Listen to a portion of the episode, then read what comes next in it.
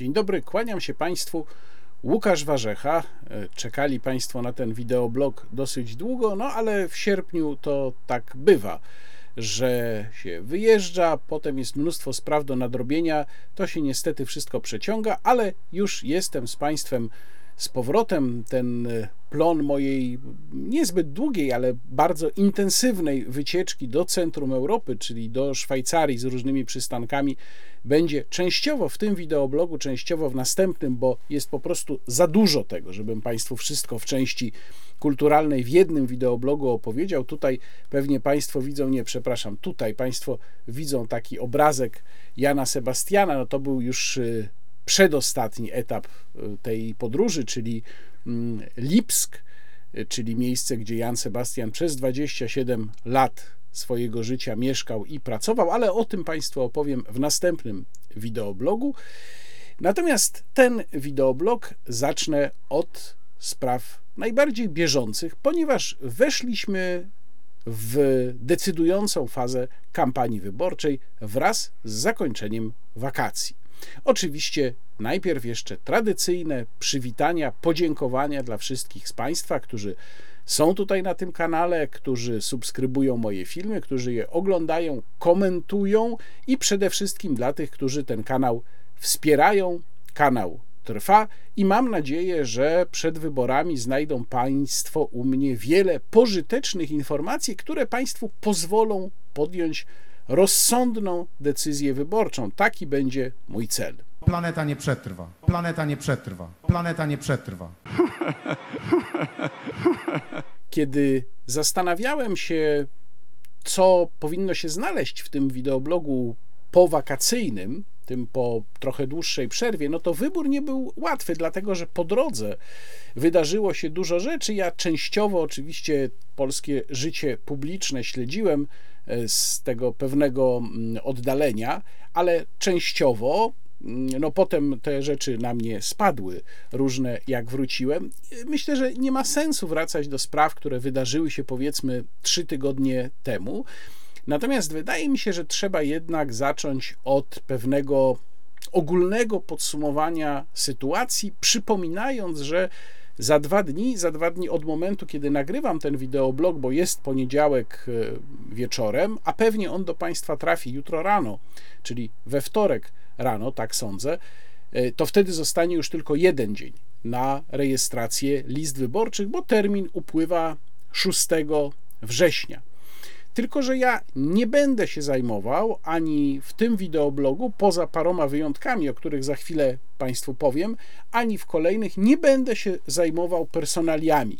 Mogą się oczywiście zdarzyć takie pojedyncze sytuacje, że o kimś tam będę mówił, bo ktoś na przykład będzie mm, wyjątkowo idiotycznie się zachowywał, czy wygadywał wyjątkowo idiotyczne rzeczy, no albo też rzeczy bardzo mądre, wyjątkowo mądre chociaż to chyba się rzadziej zdarza. Uważam i mam nadzieję, że Państwo się tutaj ze mną zgadzają, że zdecydowanie w polskiej dyskusji przeważa e, mówienie o personaliach, co niewiele wnosi. No bo jak się tak zastanowimy, jaki my mamy naprawdę system, nie tylko wyborczy, ale system polityczny, to nie jest to system, w którym pojedynczy poseł czy pojedynczy polityk bardziej generalnie jest w stanie cokolwiek zrobić, albo nawet grupa takich polityków.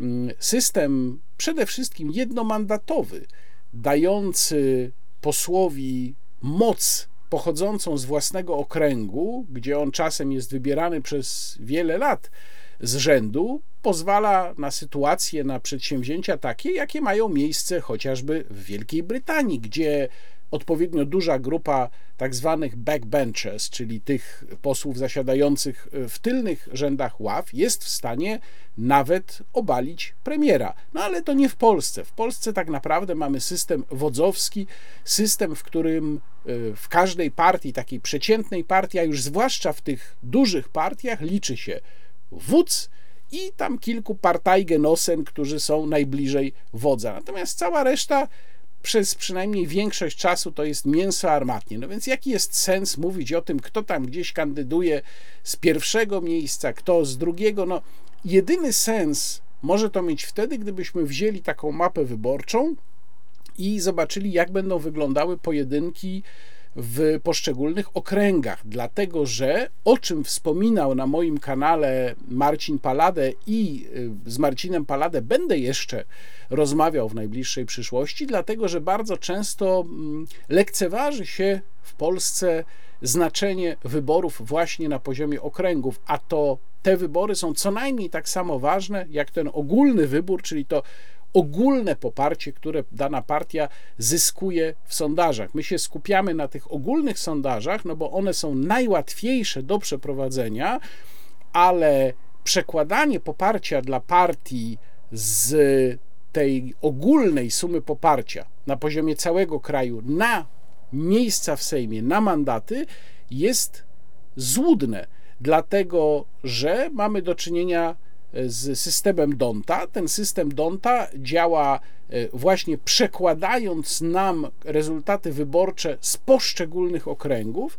i w tym sensie te personalne starcia właśnie na poziomie okręgów mogą mieć znaczenie, ale tylko w tym. Natomiast jeżeli mówimy o e, ideach, jeżeli mówimy o programie, jeżeli mówimy o tym, co jest ważne na poziomie państwa, no to mówmy o tym, czego chcą i co planują wodzowie partyjni. No bo to oni tutaj przewodzą i naprawdę pojedynczy poseł w takiej normalnej, dużej partii, normalnej w polskim życiu politycznym nie ma większego znaczenia. Ja uważam, że to jest bardzo patologiczny system, no ale to jest system, który odpowiada tym dużym organizacjom partyjnym, więc on się na razie nie zmienia.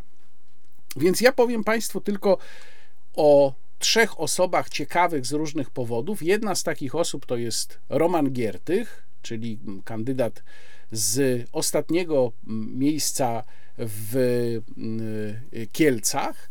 I y, o Romanie Giertychu warto powiedzieć właśnie ze względu na ten pojedynek dwóch ważnych kandydatów. No bo w Kielcach również postanowił kandydować Jarosław Kaczyński. To nie ja będę dawał. No. I za chwilę powiem, dlaczego moim zdaniem tak się stało. E, wiadomo oczywiście, jaka awantura się wokół Giertycha rozpętała. To jest jedno z tych zagadnień, których ja tutaj nie będę dokładnie omawiał, bo to się już wydarzyło. Awantura się przewaliła. Roman Giertych na liście do Sejmu jest, więc tutaj już sprawa jest zamknięta. Powiem tylko, że patrząc na to z czysto pragmatycznego punktu widzenia, uważam, że Donald Tusk nie popełnił tu żadnego błędu, wręcz przeciwnie, potrzebny był mu fighter, y, taki wojownik do tego, żeby się zetrzeć z Jarosławem Kaczyńskim i taką rolę doskonale przyjmuje na siebie Roman Giertych, który przy okazji pokazał, jak Giętki ma moralny kręgosłup, publikując to słynne oświadczenie w sprawie aborcji, z którego to oświadczenia naprawdę trudno cokolwiek wywnioskować. To jest przykład takiej klasycznej adwokackiej mowy trawy, z której po prostu nic nie można zrozumieć. Właściwie nie wiadomo, jakie jest stanowisko Romana Giertycha w sprawie aborcji, czy on je zmienił, nie zmienił. Wiadomo jedno, tylko Donald Tusk jest tym przywódcą, który może nas doprowadzić do zwycięstwa, a zatem wodzu prowadź na Kowno i Wilno, a my pójdziemy za tobą, pisze Roman Giertych w tym oświadczeniu. Mniej więcej właśnie tyle.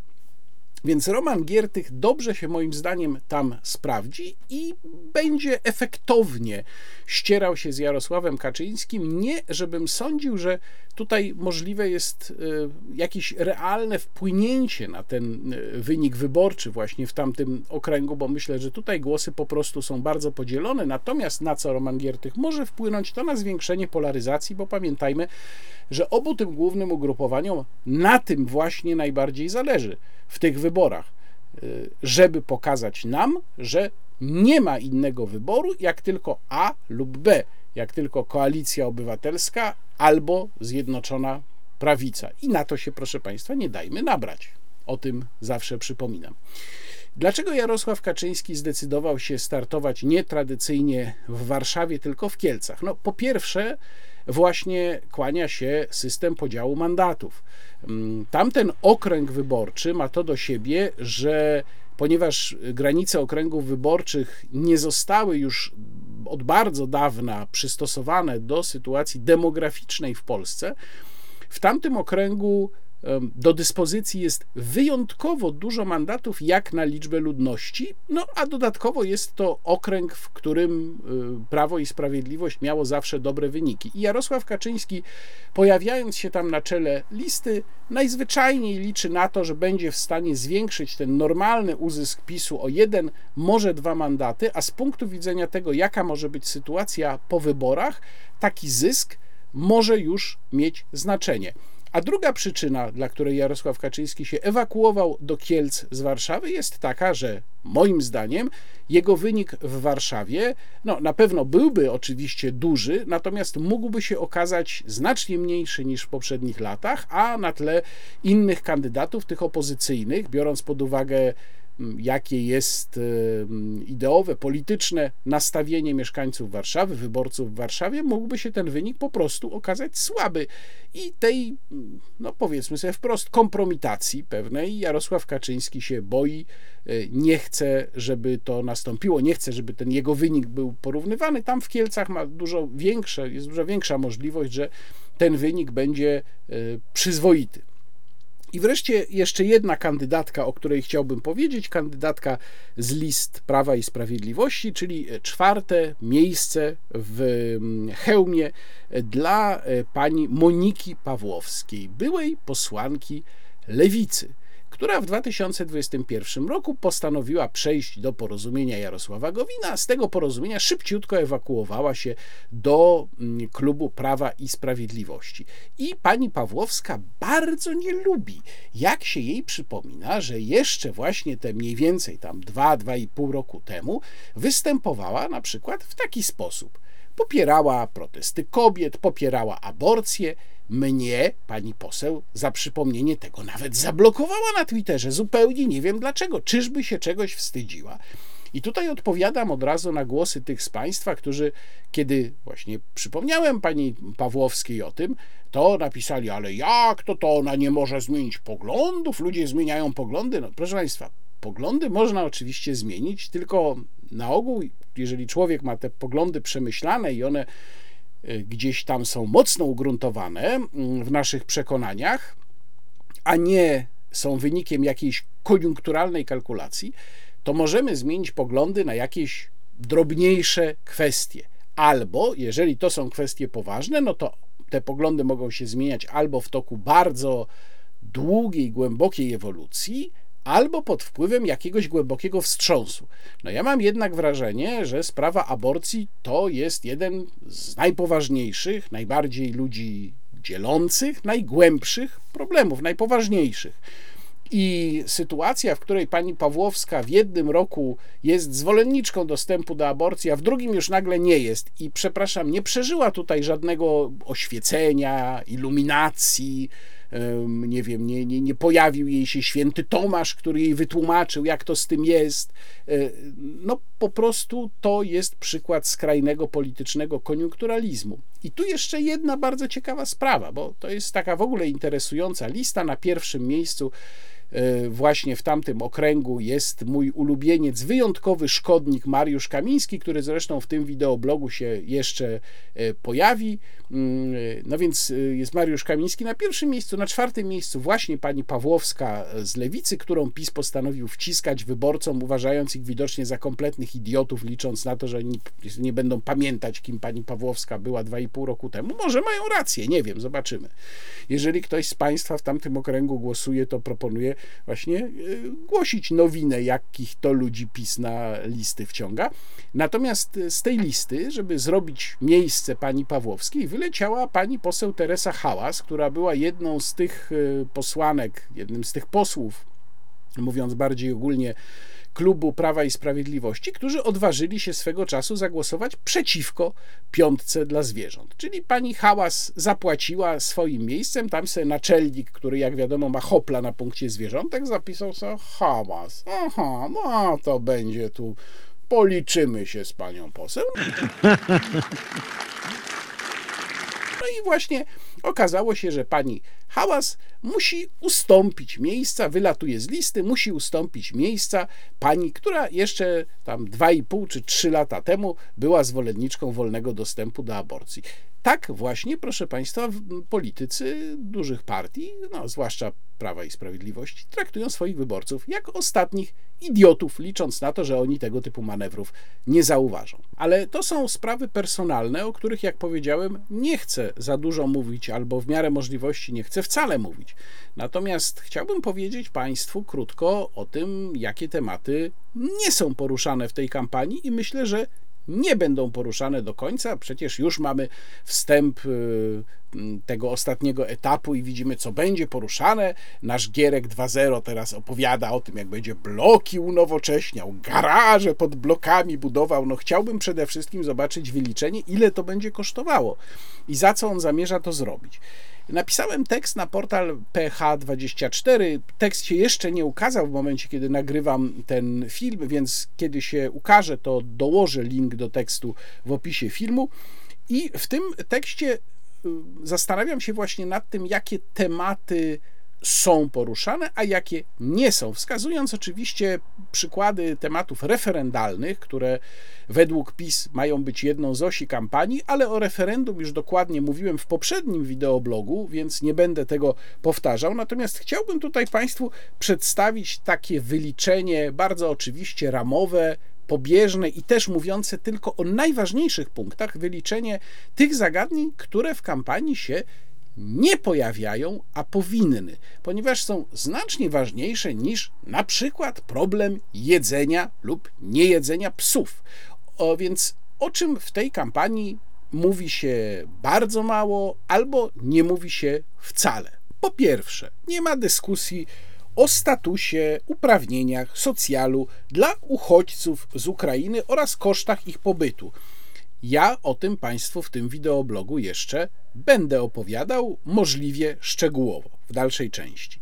Nie ma dyskusji o polityce migracyjnej, o tym, kogo powinniśmy w Polsce przyjmować do pracy, z jakich krajów, w jakiej liczbie, na jakich zasadach, jakie mogą być tego konsekwencje, no również polityczne. Tutaj wracając do kwestii mm, uchodźców z Ukrainy, mamy przecież gdzieś tam w perspektywie jawiącą się e, kwestię e, zażądania przez nich posiadania reprezentacji politycznej w Polsce. Oczywiście zakładając, że duża część z nich w Polsce pozostanie. Nie mamy dyskusji o stanie finansów państwa i zadłużeniu Polski. Przypomnę, że dług publiczny Rzeczypospolitej to już jest dobrze ponad 1,6 biliona złotych. Na przyszły rok szykuje się rekordowy deficyt. Inflacja wciąż jest powyżej 10%.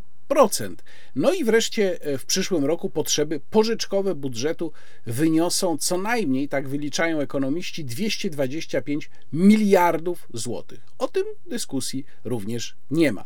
Nie ma dyskusji o tym, skąd wziąć pieniądze na zbrojenia. Temat, o którym pisałem kilkakrotnie w różnych miejscach, w tym w tygodniku do rzeczy i na onet.pl, wskazując, że bardzo słuszne jest unowocześnianie naszej armii, ale zastanawiająca, zadziwiająca, nieodpowiedzialna jest sytuacja, w której rząd nie wskazuje, jakim to się dokładnie odbywa kosztem, ani skąd zamierza wziąć pieniądze na zapłacenie za ten sprzęt. Nie ma dyskusji o tym, co zrobić z mediami publicznymi.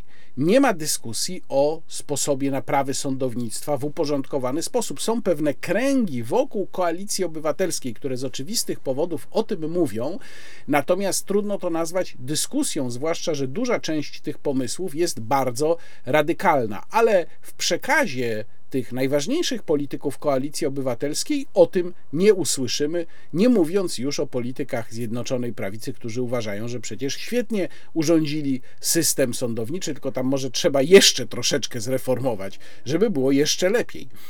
Przede wszystkim, i to jest bardzo ważna sprawa, nie ma dyskusji o konsekwencjach polityki klimatycznej Unii Europejskiej dla Polski. Nie ma dyskusji o konsekwencjach wchodzących regulacji związanych, wynikających z pakietu Fit for 55.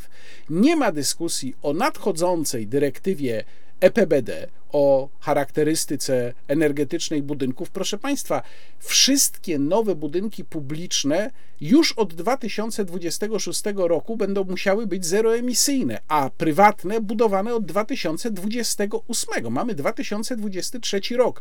To znaczy, że minie ta kadencja Sejmu, jeżeli będzie pełna, i właściwie zaraz u progu kolejnej, ta kadencja Sejmu y, nie obecna, tylko ta następna, i właściwie zaraz u progu kolejnej wchodzi, wchodzi obowiązek budowania wszystkich budynków, w ogóle wszystkich, poza wyjątkami, które są w dyrektywie opisane, z założeniem ich zeroemisyjności. To naprawdę jest bardzo mało czasu. Nie ma o tym dyskusji kompletnie. Nie ma kompletnie dyskusji o skutkach systemu ETS-2 odsyłam znów do jednej z rozmów na moim kanale z Markiem Lachowiczem, który mówił na ten temat rzeczy po prostu przerażające, jakie to będą skutki dla Polski. W ogóle tematy nieobecne, a jeżeli obecne, to w postaci jakichś gnostyckich bzdur i opowiadania o nadchodzącej katastrofie klimatycznej, to z kolei pokażę Państwu, kiedy będę krótko omawiał kampus Polska przyszłości. No wreszcie nie ma dyskusji o zakresie obywatelskich wolności, prywatności, o kontroli nad służbami i nad ich działaniami. I to jest tylko wybór bardzo prowizoryczny, bardzo skrótowy wybór tematów, o których na przykład ja bym chciał coś usłyszeć i zdaję sobie sprawę z tego, że oczywiście kampania to jest teatr. Oczywiście na wiecach wyborczych nie będą politycy omawiali szczegółów związanych z wejściem w życie ETS-2. Ale problem polega na tym, że tego nigdzie nie ma. Nie tylko na wiecach wyborczych, ale nie ma tego też w poważniejszych programach publicystycznych, w różnego rodzaju dyskusjach. To się po prostu w ogóle, ale to w ogóle nie pojawia. Czyli mamy, tak jak powiedziałem w poprzednim wideoblogu, referendum dla idiotów, czyli pomyślane w taki sposób, jakby wyborcy, uczestnicy potencjalni tego referendum byli idiotami. Tak samo w tej chwili mamy, proszę Państwa, wybory dla idiotów. Niektóre z tych zagadnień rzeczywiście podejmują politycy Konfederacji, chyba oni robią to najczęściej, choć też nie wszystkie starają się czasem coś na ten temat mówić politycy lewicy czy trzeciej drogi, bardzo po łebkach, często bez sensu, ale coś tam wspominają o niektórych z tych tematów, na przykład wykluczenie energetyczne, no coś, coś tam kojarzą czasem. Natomiast dwie największe partie kompletnie nic. I ja dla Państwa nie mam w związku z tym żadnej złotej rady. Nie podpowiem Państwu, co robić, nie podpowiem Państwu, jak wybierać 15 października, bo ja tego z zasady nie mówię i również nie dzielę się z moimi odbiorcami z zasady własnymi wyborami. Uważam, że Moja pomoc dla Państwa to są właśnie takie programy albo moje teksty, które być może pomogą Państwu podjąć decyzję. Pierwsza moja rada czy zalecenie, rekomendacja to jest taka, żeby się odciąć od tych najbardziej ordynarnych źródeł propagandy, więc po prostu od oglądania przede wszystkim wiadomości telewizyjnych, w dużej mierze również programów publicystycznych, nie wszystkich, bo są takie, które swoją mm, rolę właściwie odgrywają, natomiast od większości tak. No i chyba, jeżeli chce się dokonać racjonalnego wyboru, trzeba sobie zrobić listę zagadnień, które są dla nas ważne, ale tych naprawdę ważnych, czyli takich jak te, o których tutaj wcześniej mówiłem, i sprawdzić, którzy politycy, których ugrupowań w ogóle na ten temat cokolwiek mówią, no, a potem sprawdzić, co mówią. I proszę też pamiętać, że po pierwsze, e, nie ma w polityce i w życiu w ogóle realnym bytów idealnych, więc na ogół głosuje się nie na ideał, tylko głosuje się w jakiejś mierze na mniejsze zło albo po prostu relatywne dobro, to znaczy na tego polityka, czy to ugrupowanie, które relatywnie najbardziej spełnia nasze wymagania i odpowiada naszym poglądom, ale nigdy to nie będzie w 100%. I po drugie, proszę też pamiętać, co ja zawsze bardzo mocno podkreślam, że niegłosowanie także jest prawem obywatela. Mamy prawo nie pójść do głosowania. Planeta nie przetrwa. Planeta nie przetrwa. Planeta nie przetrwa. Muszę teraz wrócić do tematu, mm, o którym już mówiłem wielokrotnie i pisałem wielokrotnie i mówiłem również w wideoblogu kilkakrotnie, czyli komisja nazywana przeze mnie komisją kapturową, komisja do zbadania rosyjskich wpływów w latach 2007-2022, którą jednak PiS postanowił w ostatnim rzucie powołać przynajmniej na razie, jeżeli nie będzie dodatkowego posiedzenia Sejmu, no to e, była to w ogóle końcówka tej kadencji Sejmu. Ostatnie głosowania w tej kadencji Sejmu dotyczyły powołania dziewięciu członków komisji. Mówię dziewięciu, bo tam żadna kobieta się nie znalazła. Mm, e, nie, żebym ja chciał, żeby to jakiś parytet był, tylko po prostu stwierdzam fakt. Więc to jest też symboliczne, y, myślę, jakie głosowanie zakończyło tę kadencję Sejmu. To, to symbolicznie podsumowuje dokonania tej władzy w tej kadencji. Dlaczego ta komisja została powołana? No myślę, że PiS po prostu postanowił pójść trochę na fali.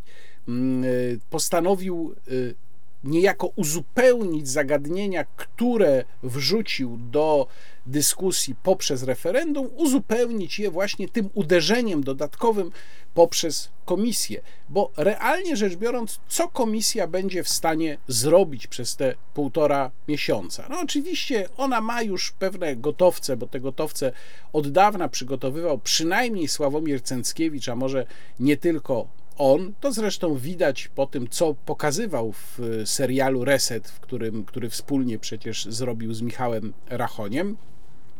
Ale nawet jeśli, to ona nic merytorycznego do wyborów nie zrobi. Ona może zrobić tylko to, do czego ją tak naprawdę powołano, czyli może wezwać przed swoje szacowne oblicze Donalda Tuska. Donald Tusk oczywiście się nie pojawi, raz e, wlepi mu się karę, zostanie wezwany drugi raz, wlepi mu się drugą karę, no i zakładam, że trzeci raz już nie zdążą Donalda Tuska przed wyborami wezwać, więc będzie się rozgrywał taki teatr, który jest y, dogodny i przydatny dla obu stron, czyli Zjednoczona Prawica będzie krzyczała Donald Tusk się boi, nie chce przyjść, bo ma coś do ukrycia a koalicja obywatelska będzie krzyczała: Wykorzystujecie komisję, żeby urządzić zamach na demokrację.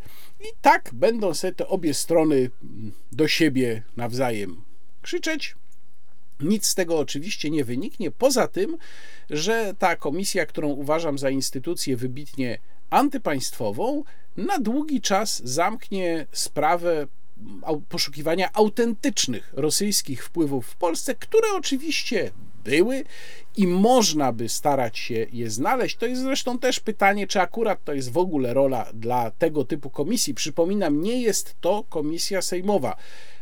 Mówiłem już o tym, ale podkreślam to jeszcze raz. To jest komisja powołana ustawą, odrębną ustawą, niefunkcjonująca na podstawie ustawy o Sejmowej Komisji Śledczej, dlatego ona nie kończy swojego życia, swojego funkcjonowania wraz z kadencją Sejmu ale obojętnie, czy byłaby to Sejmowa Komisja Śledcza, czy taka komisja, nie wiem, czy to jest zadanie dla komisji jakiejkolwiek, czy to nie jest po prostu zadanie dla służb. Tak czy owak, na pewno można by takich wpływów poszukiwać, tylko że ta komisja temat zamyka na długi czas, właśnie dlatego, że ona działa w kontekście ściśle partyjnym, ściśle wyborczym. No i przypomnę, tu przechodząc już do tego, co się wydarzyło, czyli do wyboru tych dziewięciu członków komisji, że oni nie zostali wybrani głosami opozycji prawie w ogóle, poza głosami Konfederacji, głosowali tylko członkowie obozu Zjednoczonej Prawicy, nie tylko klubu PiS, bo tam oczywiście ci, którzy są poza klubem PiS, jako tak zwani niezależni, też częściowo głosowali za tymi członkami, ale tak czy owak większość opozycji zdecydowana nie głosowała. Natomiast ciekawie było przyjrzeć się temu, jak głosowali posłowie Konfederacji, bo w szczególności Grzegorz Braun tutaj zastosował interesującą taktykę, mianowicie zagłosował za wszystkimi członkami tej komisji, poza jednym Przemysławem Żurawskim-Welgrajewskim. No i zastanawiam się, z czego to wynika. Tutaj pojawiły się różne hipotezy. Jedna może być prawdziwa, jest taka, że Grzegorz Braun chciał w ten sposób pokazać, że nie boi się postawienia przed komisją. Inna może być taka, że jest to skutek jakichś napięć wewnątrz Konfederacji, bo proszę zauważyć, że jednak Grzegorz Braun jest bardzo wyraźnie marginalizowany i tutaj mamy Cały wątek, do którego pewnie jeszcze wrócę i w jakimś swoim tekście, i w mm, którymś z wideoblogów, wątek pewnych napięć w Konfederacji związanych z tym, jak jej wizerunek kreują Krzysztof Bosak i przede wszystkim Sławomir Mencen. Wiem, że tutaj mm, na przykład Tomasz Sommer jest zdania, że to nie jest y, odpowiedni kierunek, że powinno nastąpić pewne zaostrzenie, no ale to mówię, to jest osobny y, temat. W każdym razie zaznaczam tylko, jak tutaj głosował Grzegorz Braun. Y, Anna Maria Siarkowska, która była bardzo konsekwentną przeciwniczką powołania tej komisji, a dołączyła niedawno do klubu mm, Konfederacji, w większości głosowań głosowała przeciwko w dwóch nie głosowała w ogóle i to było głosowanie nad y, profesorem Ceckiewiczem i profesorem y, Zybertowiczem. No ja to odbieram jako taki, no nawet mm, nie jest to wstrzymanie się od głosu formalne, ale powiedzmy coś mniej niż głosowanie przeciwko, wyjęcie y, karty do głosowania. Co do samej komisji i jej możliwości, przypomnę, że prezydencka nowelizacja umożliwiła, wprowadziła właściwie trzy istotne zmiany. Pierwsza jest taka, że skasowano tak zwane środki zaradcze, to, było między, to był między innymi y, zakaz do 10 lat pełnienia funkcji związanych z dysponowaniem środkami publicznymi, który w zasadzie by eliminował człowieka z większości życia publicznego. Y, to, była również, to był również zakaz do 10 lat dostępu do informacji niejawnych oraz y, do, do broni, czyli mm, albo cofnięcie pozwolenia, albo zakaz wydania takiej osobie pozwolenia przez okres do 10 lat. Te środki zaradcze zostały skreślone. Druga zmiana, może najmniej istotna, ale jednak też ważna, to to, że przewodniczącego komisji mają wybrać spośród swojego grona członkowie tej komisji, a nie tak jak to było w pierwotnej wersji ustawy, wyznacza go premier. I trzecia, bardzo ważna zmiana to um, możliwość odwołania się od no, de facto wyroku komisji, bo to jest wyrok tak naprawdę, to orzeczenie, to, to um, ta decyzja administracyjna, którą wydaje komisja, odwołania się do sądu nie administracyjnego, jak to było w pierwotnej wersji ustawy, tylko do sądu apelacyjnego, czyli do sądu powszechnego. Tym samym zresztą pan prezydent przyznał rację y, tym, którzy tak jak ja wskazywali, że odwołanie do sądu administracyjnego mm, nie będzie dotyczyło meritum sprawy. Ja pamiętam dobrze, jak w RDC, do którego zresztą wracamy do programów w RDC, Adrian Stankowski twierdził, że to ja się nie znam, skoro twierdzę, że właśnie ta, takie odwołanie do sądu administracyjnego będzie dotyczyło tylko e, kwestii formalnych, a nie e, prawdy materialnej. No więc e, Adrian Stankowski chyba powinien po raz kolejny połknąć w tym momencie swój język. Ale też warto przypomnieć, dlaczego ta komisja jest taką komisją kapturową, jak to ja nazywam. No, tam po prostu ci sami ludzie są, pełnią funkcję prokuratorów i sędziów, jeżeli można tak powiedzieć. Ona oczywiście formalnie nie jest sądem, ale do tego się sprowadza, bo ta decyzja administracyjna, w której się stwierdza, że ktoś działał pod rosyjskim wpływem, albo też, że nie działał pod rosyjskim wpływem, ma taką wagę pewnego rodzaju wyroku, przy czym ten wyrok jest wydawany bez przestrzegania jakichkolwiek reguł, które normalnie obowiązują w sądach, czyli na przykład in dubio pro reo. No, komisja nie ma obowiązku się tymi regułami kierować, dlatego że ona po prostu nie działa zgodnie z kodeksem postępowania karnego yy, i ogólnymi zasadami, na jakich opiera się w Polsce postępowanie przed sądem w sprawie karnej. I jeszcze dwa słowa na temat członków komisji, którzy zostali wybrani. Tak naprawdę sześciu członków tej komisji się kompletnie nie liczy. To są ludzie, których trzeba było skądś dobrać, no więc tam są jacyś współpracownicy pana Cęckiewicza, jakieś e, osoby związane kiedyś ze służbami z, w trakcie układu, trwania układu PiS, e, ale to, to jest tło, to są ludzie zupełnie nieistotni. Są trzy e, istotne osoby w składzie tej komisji. Przede wszystkim to jest właśnie profesor Sławomir Cęckiewicz.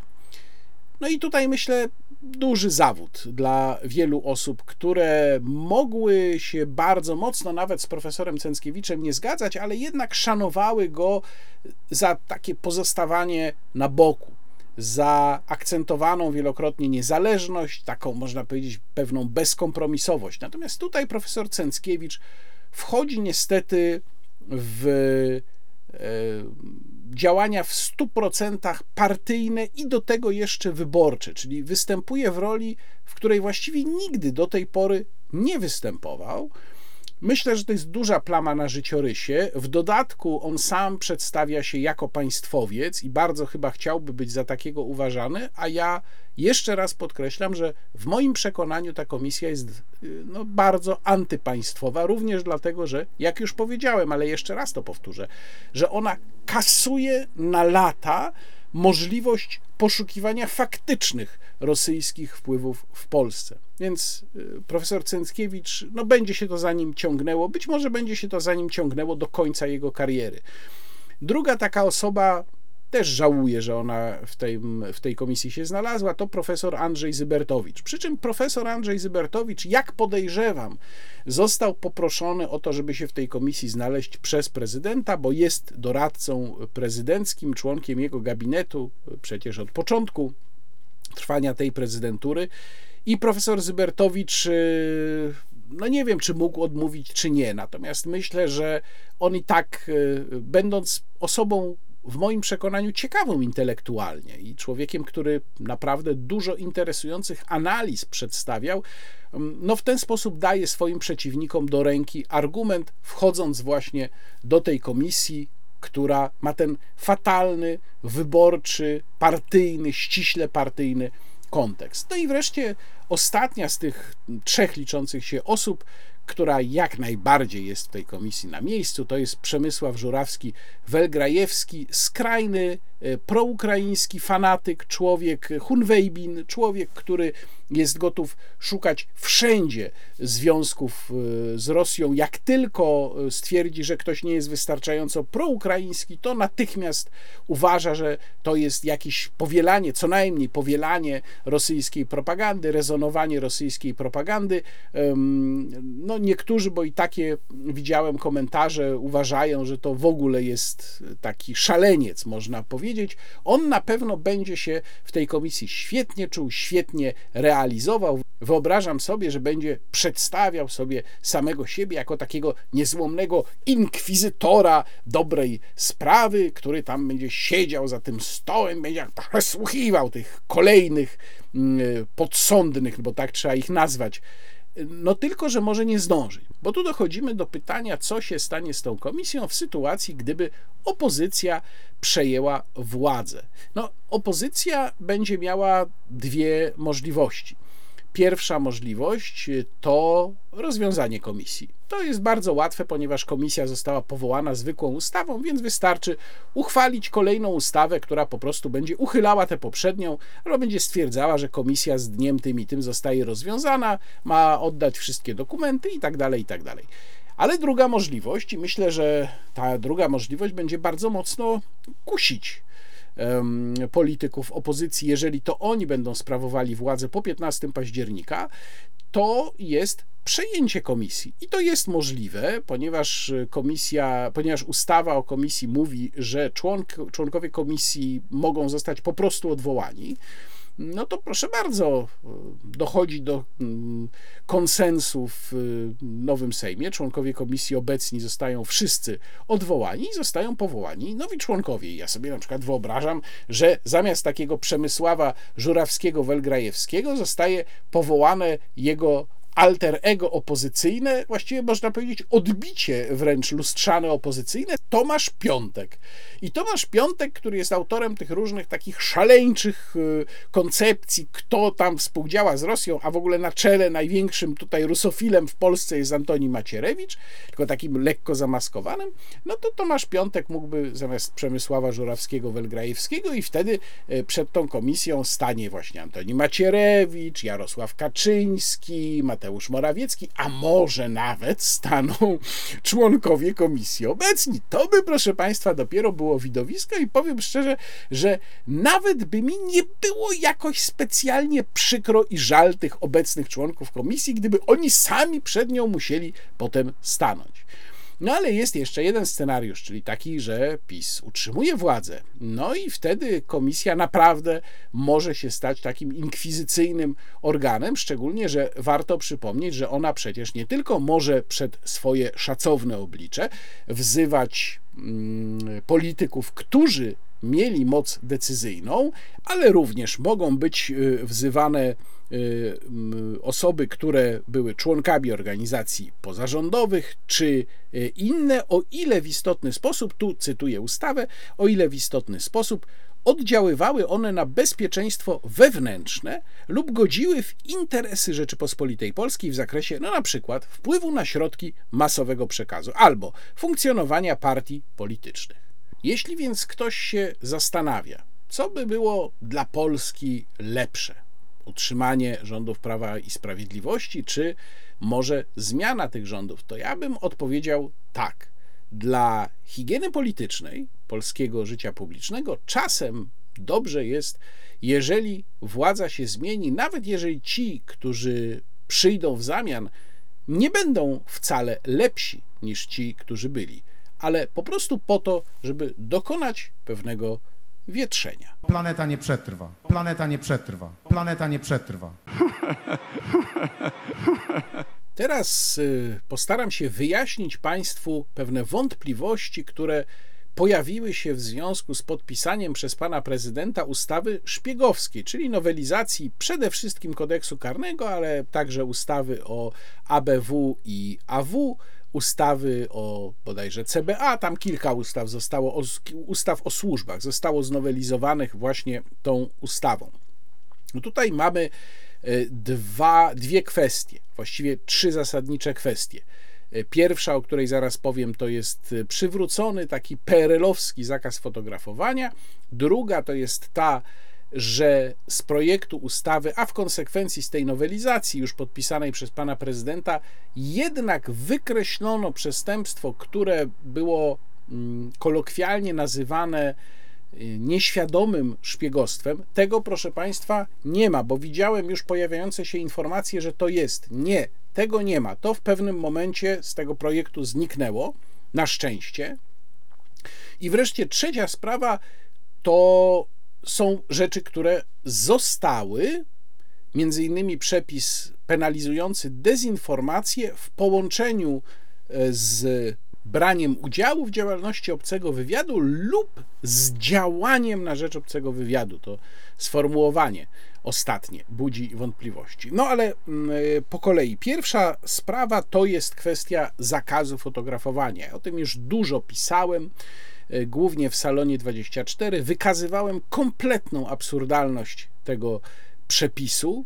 Jedynym posłem, który e, głosował przeciwko tej nowelizacji był Artur Dziambor, bo mm, opozycja się wstrzymała, tak zwana opozycja demokratyczna się mm, wstrzymała.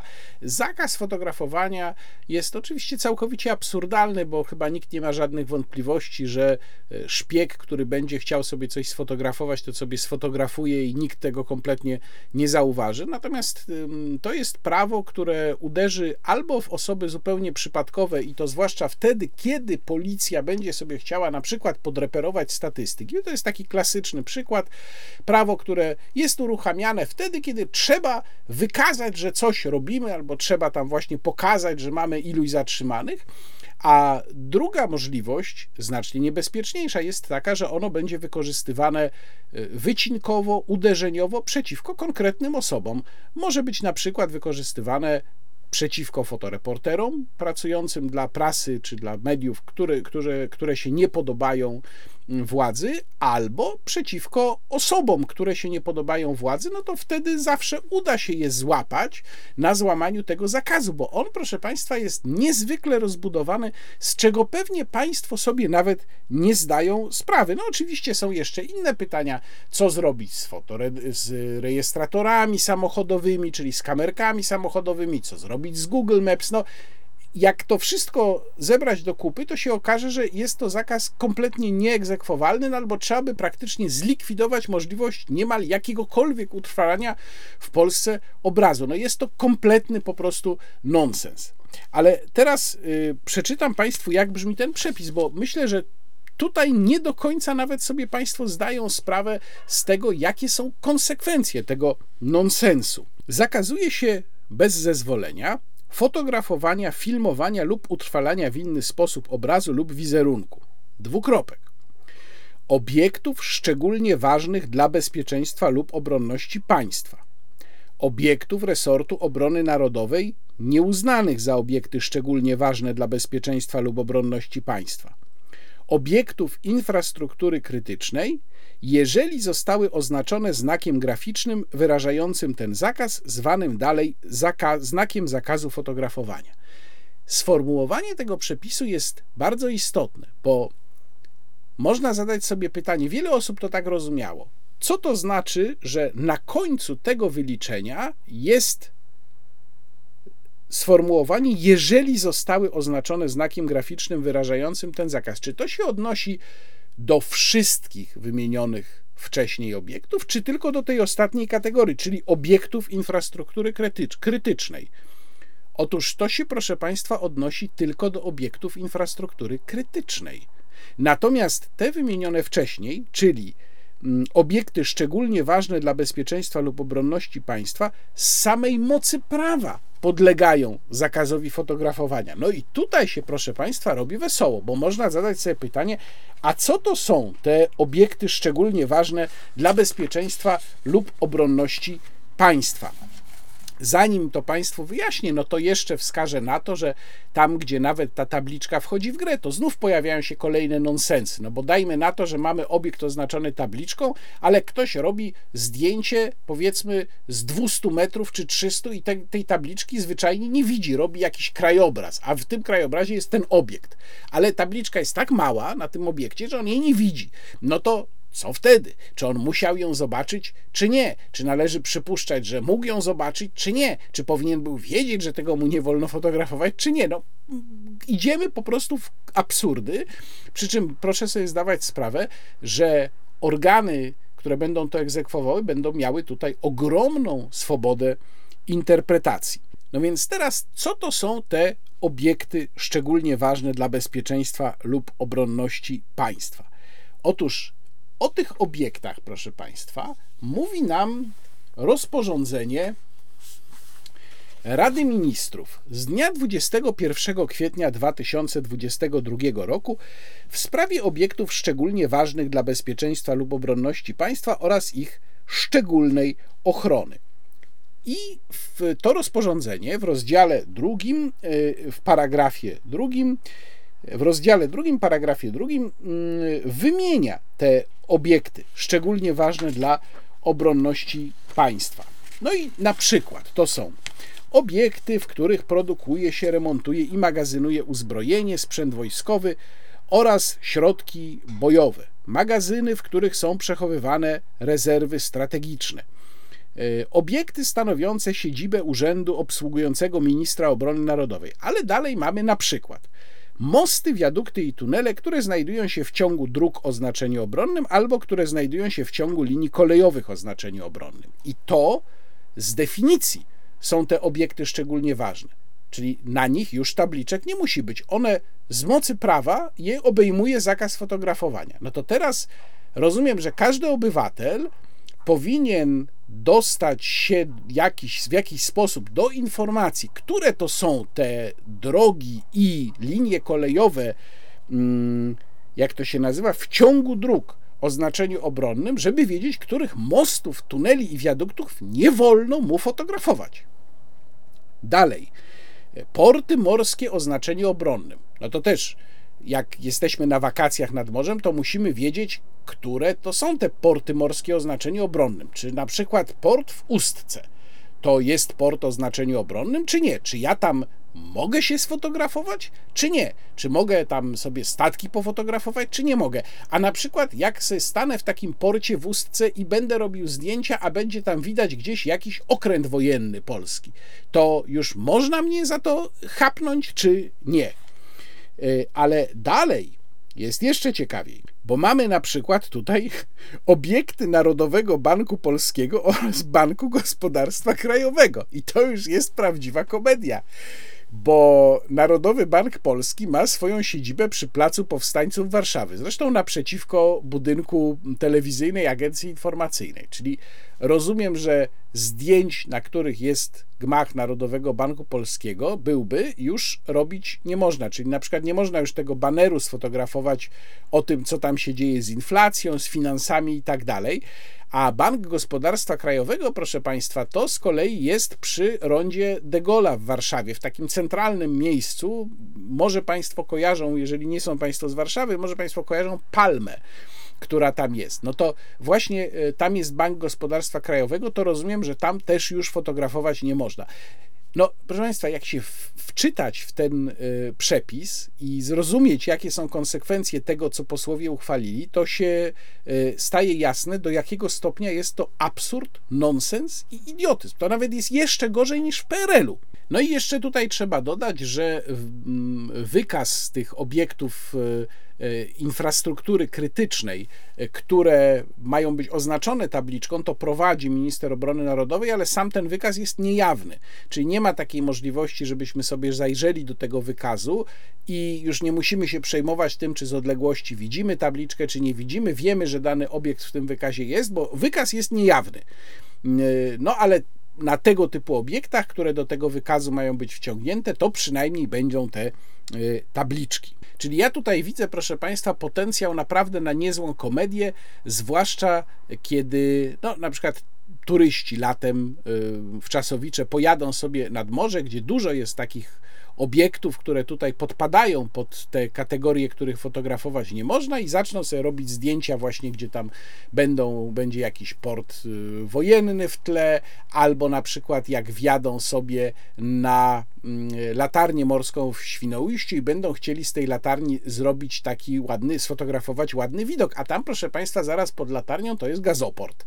No więc nie wiem jak to zostanie rozwiązane, być może na szczycie latarni jakąś taką przesłonę się zamontuje, albo będzie stał milicjant przy wyjściu z latarni i będzie kontrolował e, telefony komórkowe, aparaty. No, no nie wiem, gdyby chcieć naprawdę ten zakaz egzekwować, tak konsekwentnie egzekwować, to mielibyśmy państwo rodem z Monty Pythona.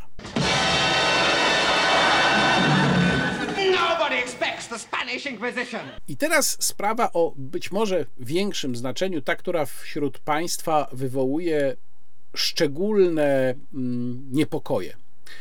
Kwestia przepisów, które mówią o działaniu na rzecz obcego wywiadu. Między innymi to jest ten przepis, który mówi o dezinformacji. Ale tutaj w ogóle kodeks karny został tą nowelizacją bardzo mocno rozbudowany, bo artykuł 130, który właśnie mówił o szpiegostwie, on w poprzedniej postaci kodeksu karnego był znacznie bardziej ograniczony i zaczynał się od przepisu, który mówił tak paragrafie pierwszym: Kto bierze udział w działalności obcego wywiadu przeciwko Rzeczypospolitej Polskiej, podlega karze pozbawienia wolności od roku do lat 10. I nawet ten podstawowy przepis zmieniono w taki sposób, że dodano tam właśnie sformułowanie albo działa na jego rzecz. Kto bierze udział w działalności obcego wywiadu albo działa na jego rzecz przeciwko Rzeczypospolitej Polskiej, podlega karze pozbawienia wolności na czas nie krótszy od 5 lat, czyli też tutaj podwyższono tę dolną granicę, a nie ustanowiono granicy górnej. E, no i ten kluczowy przepis, który wywołuje takie właśnie kontrowersje i taki u państwa mm, niepokój, mówi tak, to jest z kolei nowy paragraf 9 artykułu 130.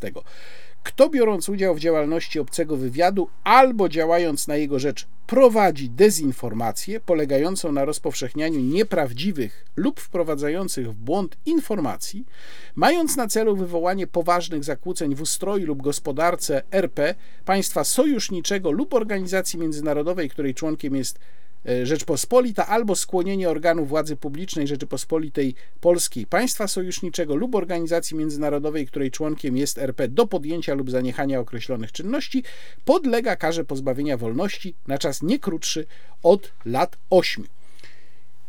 I bardzo ważne jest, żeby zrozumieć o co tutaj chodzi i czym nam to grozi. Po pierwsze, znów dementuje fejki, które się też w wielu miejscach pojawiają. E, no być może to jest wynik niewiedzy czy nieczytania ustaw. Nie ma kar za samą dezinformację. Sama dezinformacja, e, czyli po prostu mówienie nieprawdy, pozostaje szczęśliwie w Polsce bezkarna. No, ja już tłumaczyłem wielokrotnie, dlaczego karanie po prostu za mówienie nieprawdy byłoby jakimś no, horrendum. To byśmy mieli po prostu państwo totalitarne ta dezinformacja, jak widać, musi podlegać pewnym warunkom, czyli ona musi być w połączeniu z działalnością, mm, z braniem działalności, braniem udziału w działalności obcego wywiadu, albo z działaniem na jego rzecz i jeszcze musi mieć określone cechy ta dezinformacja, które są w tym przepisie wymienione, żeby ona była penalizowana. Ale największe kontrowersje, jak widzę, wywołuje to sformułowanie działa na rzecz obcego wywiadu. Państwo pytają, co to znaczy działa na rzecz i rozumując, czy rozumiejąc to sformułowanie potocznie, rzeczywiście można przyjąć taką interpretację, że działanie na rzecz obcego wywiadu to może być zupełnie nieświadoma czynność. To znaczy, jeżeli ktoś coś robi, co jest na rękę obcemu wywiadowi, i też działa w ten sposób na rzecz obcego wywiadu. No ale język prawny to jest co innego niż język potoczny. Ja podkreślam i przypominam, że prawnikiem nie jestem z wykształcenia, natomiast na tyle długo zajmuję się już zagadnieniami prawnymi także, żeby no, rozumieć, że pewne sformułowania trzeba widzieć w sposób szczególny, że one w języku prawnym mają swoje utarte znaczenie i branie y, i y, działanie na rzecz, w szczególności na rzecz obcego wywiadu, też ma takie swoje znaczenie, szczególnie, że, o czym pewnie y, wielu z Państwa nie wie, takie sformułowanie we wcześniejszej postaci, dotychczasowej postaci kodeksu karnego też się pojawiało. A więc w artykule 130, tylko że w paragrafie nie tym podstawowym pierwszym, ale w paragrafie drugim, mieliśmy napisane tak kto biorąc udział w obcym wywiadzie albo działając na jego rzecz, udziela temu wywiadowi wiadomości, których przekazanie może wyrządzić szkodę Rzeczypospolitej Polskiej, podlega karze pozbawienia wolności na czas nie krótszy od lat trzech. No więc teraz, co to właściwie znaczy działać na rzecz? Bo jak widać, mamy już podstawę we wcześniejszej postaci kodeksu karnego, żeby się nad tym sformułowaniem zastanowić. I tutaj trzeba sięgnąć po komentarze do kodeksu karnego. W takim podsumowaniu, które mm, pojawia się w serwisie Lex, czytamy tak. Działanie na rzecz obcego wywiadu oznacza wszelkie formy aktywnej współpracy z obcym wywiadem, która nie przybiera jeszcze postaci funkcjonowania w jego strukturach organizacyjnych, dającej się określić jako branie w nim udziału. Czyli musi to być jednak świadoma współpraca. Działanie na rzecz obcego wywiadu nie wymaga istnienia więzi organizacyjnej łączącej sprawcę z obcym wywiadem. Relewantne z punktu widzenia znamion przestępstwa przewidzianego w artykule 130 paragraf 2 mówimy oczywiście o dotychczasowej, wcześniejszej postaci kodeksu karnego, jest tylko takie działanie na rzecz obcego wywiadu, które przyjmuje postać udzielania temu wywiadowi wiadomości określonych w przepisie. Teraz sięgnę do komentarza do kodeksu karnego pod redakcją Jacka Gieska, komentarz z roku 2014 i znów odwołujemy się do dotychczasowej postaci kodeksu karnego i czytamy w tym komentarzu tak. W paragrafie drugim chodzi zarówno o jednorazowe udzielenie informacji, jak i o działalność ciągłą, powtarzalną. Do znamion opisywanego czynu nie należy wystąpienie skutków w postaci wyrządzenia rzeczywistej szkody. Wystarczy, by przekazane informacje zdolne były taki skutek wywołać. Warto podkreślić, że przepis nie wymaga, by potencjalna szkoda była istotna lub by dotyczyła istotnych interesów Rzeczypospolitej. No ale tutaj mówimy o dotychczasowej postaci kodeksu karnego, którą ta nowelizacja zmieniła. Z tego komentarza dowiadujemy się, że to działanie na rzecz może oznaczać zarówno jednorazowe udzielenie informacji, jak i działalność ciągłą, powtarzalną. A teraz jeszcze weźmy w takim razie komentarz do kodeksu karnego pod redakcją Włodzimierza Wróbla i Andrzeja Cola. To jest trochę nowszy komentarz z roku 2017. I tutaj mamy znów analizę pojęcia działania na rzecz obcego wywiadu. Działanie na rzecz obcego wywiadu oznacza, wszelkie formy aktywnej współpracy z obcym wywiadem, która nie przybiera jeszcze postaci funkcjonowania w jego strukturach organizacyjnych, dającej się określić jako branie w nim udziału. Działanie na rzecz obcego wywiadu nie wymaga istnienia więzi organizacyjnej łączącej sprawcę z obcym wywiadem. No więc tutaj y, ja to rozumiem tak, że y, raczej trudno będzie przypisać to przestępstwo osobie, która nie ma żadnego związku z obcym wywiadem, natomiast ten związek może być przelotny, może być okazjonalny, może być bardzo niesformalizowany. Rozmawiałem jeszcze ze swoim e, przyjacielem, prawnikiem z wieloletnim doświadczeniem, aczkolwiek podkreślam, nie karnistą. On z kolei uważa, że możliwe będzie e, przypisanie takiego czynu osobie, która by na przykład powielała wielokrotnie informacje, które w ewidentny sposób byłyby fałszywe i spełniałyby te mm, pozostałe kryteria, które są wymienione w przepisie, czyli tam miałyby na celu, czy można by tak stwierdzić, że mają na celu skłonienie na przykład y, Rzeczypospolitej do podjęcia lub zaniechania określonych działań, jeżeli by to robiła uporczywie, y, upowszechniała takie informacje wielokrotnie, natomiast nie jeden raz. No, czy to daje nam jakąś tutaj jasną granicę? Nie, bo tak jest po prostu w prawie, że często bardzo wiele zależy od interpretacji. Ja bym tutaj był raczej spokojny o rezultat ewentualnych spraw przed sądem. To znaczy, myślę, że mm, sędziowie nie będą uznawać za przestępstwo z tego nowego przepisu sytuacji, w której ktoś e, będzie e, siał dezinformację, nie mając kompletnie żadnego związku z obcym wywiadem.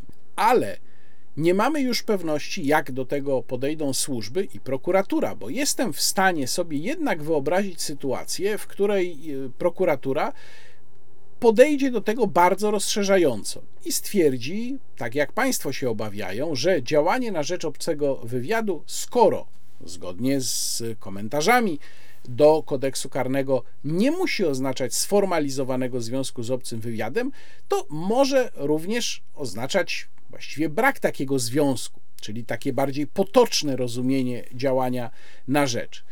Jest też możliwe, że mm, wychodząc od y, pretekstu w postaci dezinformacji, służby będą prowadziły działania operacyjne przeciwko osobom, które żadnych takich związków z wywiadem nie będą miały, ale celem tych działań operacyjnych, zdaniem służb, tak one mogą to przedstawiać, będzie sprawdzenie, czy przypadkiem takiego związku nie ma. To znaczy, czy ktoś nie działa albo na rzecz obcego wywiadu, albo nie bierze udziału w obcym wywiadzie, czyli to już jest ten taki bardziej sformalizowany związek. Krótko mówiąc, te przepisy kodeksu karnego, jakkolwiek no, nie wyglądają one y, tak źle, jak niektórzy twierdzą, to jednocześnie otwierają bardzo niebezpieczną furtkę, przede wszystkim moim zdaniem dla służb, żeby zacząć prowadzić inwigilację e, osób, które po prostu nie zgadzają się z obecną polityką,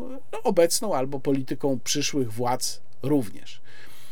I uważam, że jeżeli mm, przyszła władza serio traktuje swoje zobowiązania, mówię tutaj oczywiście o opozycji, to powinna tę nowelizację zdecydowanie jak najszybciej skasować, a przynajmniej zmienić ją tak, bo być może podniesienie kar za szpiegostwo ma swoje uzasadnienie, natomiast powinno to zostać zrobione w taki sposób, żeby nie pozostawiać tego typu interpretacyjnych możliwości, żeby nie zapraszać wręcz, wręcz służb do tego, żeby zaczynały inwigilować obywateli tylko dlatego, że oni mogą mieć w sprawie e, wojny na Ukrainie inne zdanie. i dlatego między innymi warto zwrócić uwagę na założenia społecznego projektu ustawy o kontroli nad służbami specjalnymi, które właśnie przedstawiła Fundacja Panoptykon to jest bardzo interesujący projekt, który przewiduje między innymi powołanie takiego niezależnego organu kontrolnego nad służbami, a także to, co Panoptykon postuluje od dawna, czyli mm, informowanie osób inwigilowanych o tym, że one były inwigilowane, już oczywiście po fakcie tej inwigilacji, po jej zakończeniu.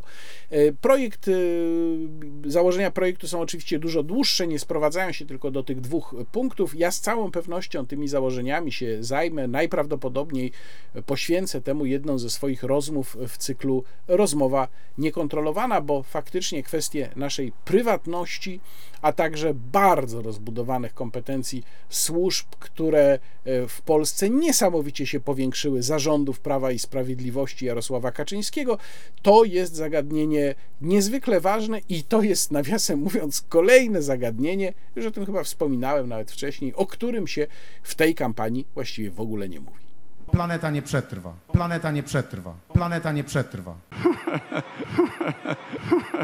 A skoro już była mowa o komisji do spraw rosyjskich wpływów, skoro była e, mowa o zmianach w kodeksie karnym, no to płynnie przejdźmy do tematu Ukraińców w Polsce.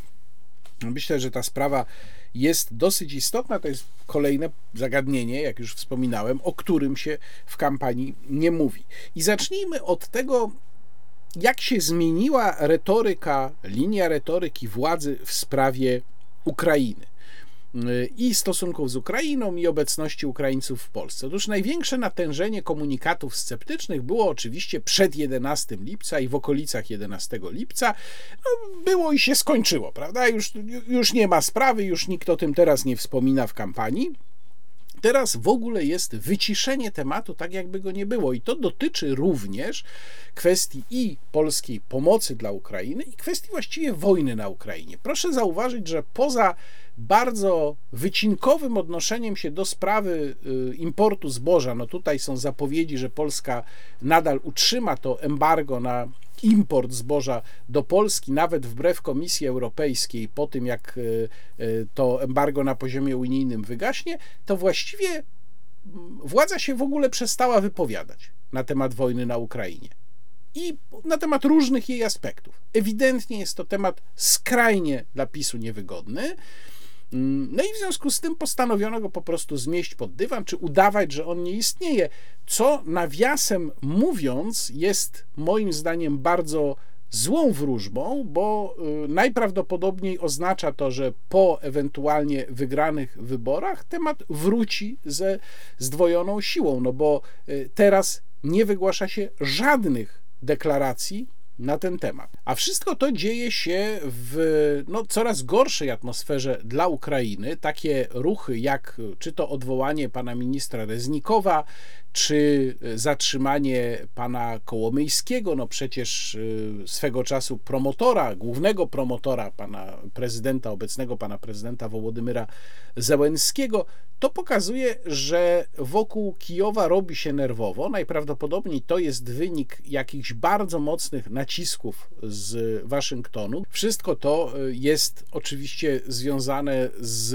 mm, nadchodzącymi wyborami prezydenckimi w Stanach Zjednoczonych w listopadzie w przyszłym roku. Te wybory, no, kampania w zasadzie można powiedzieć, że już się zaczęła.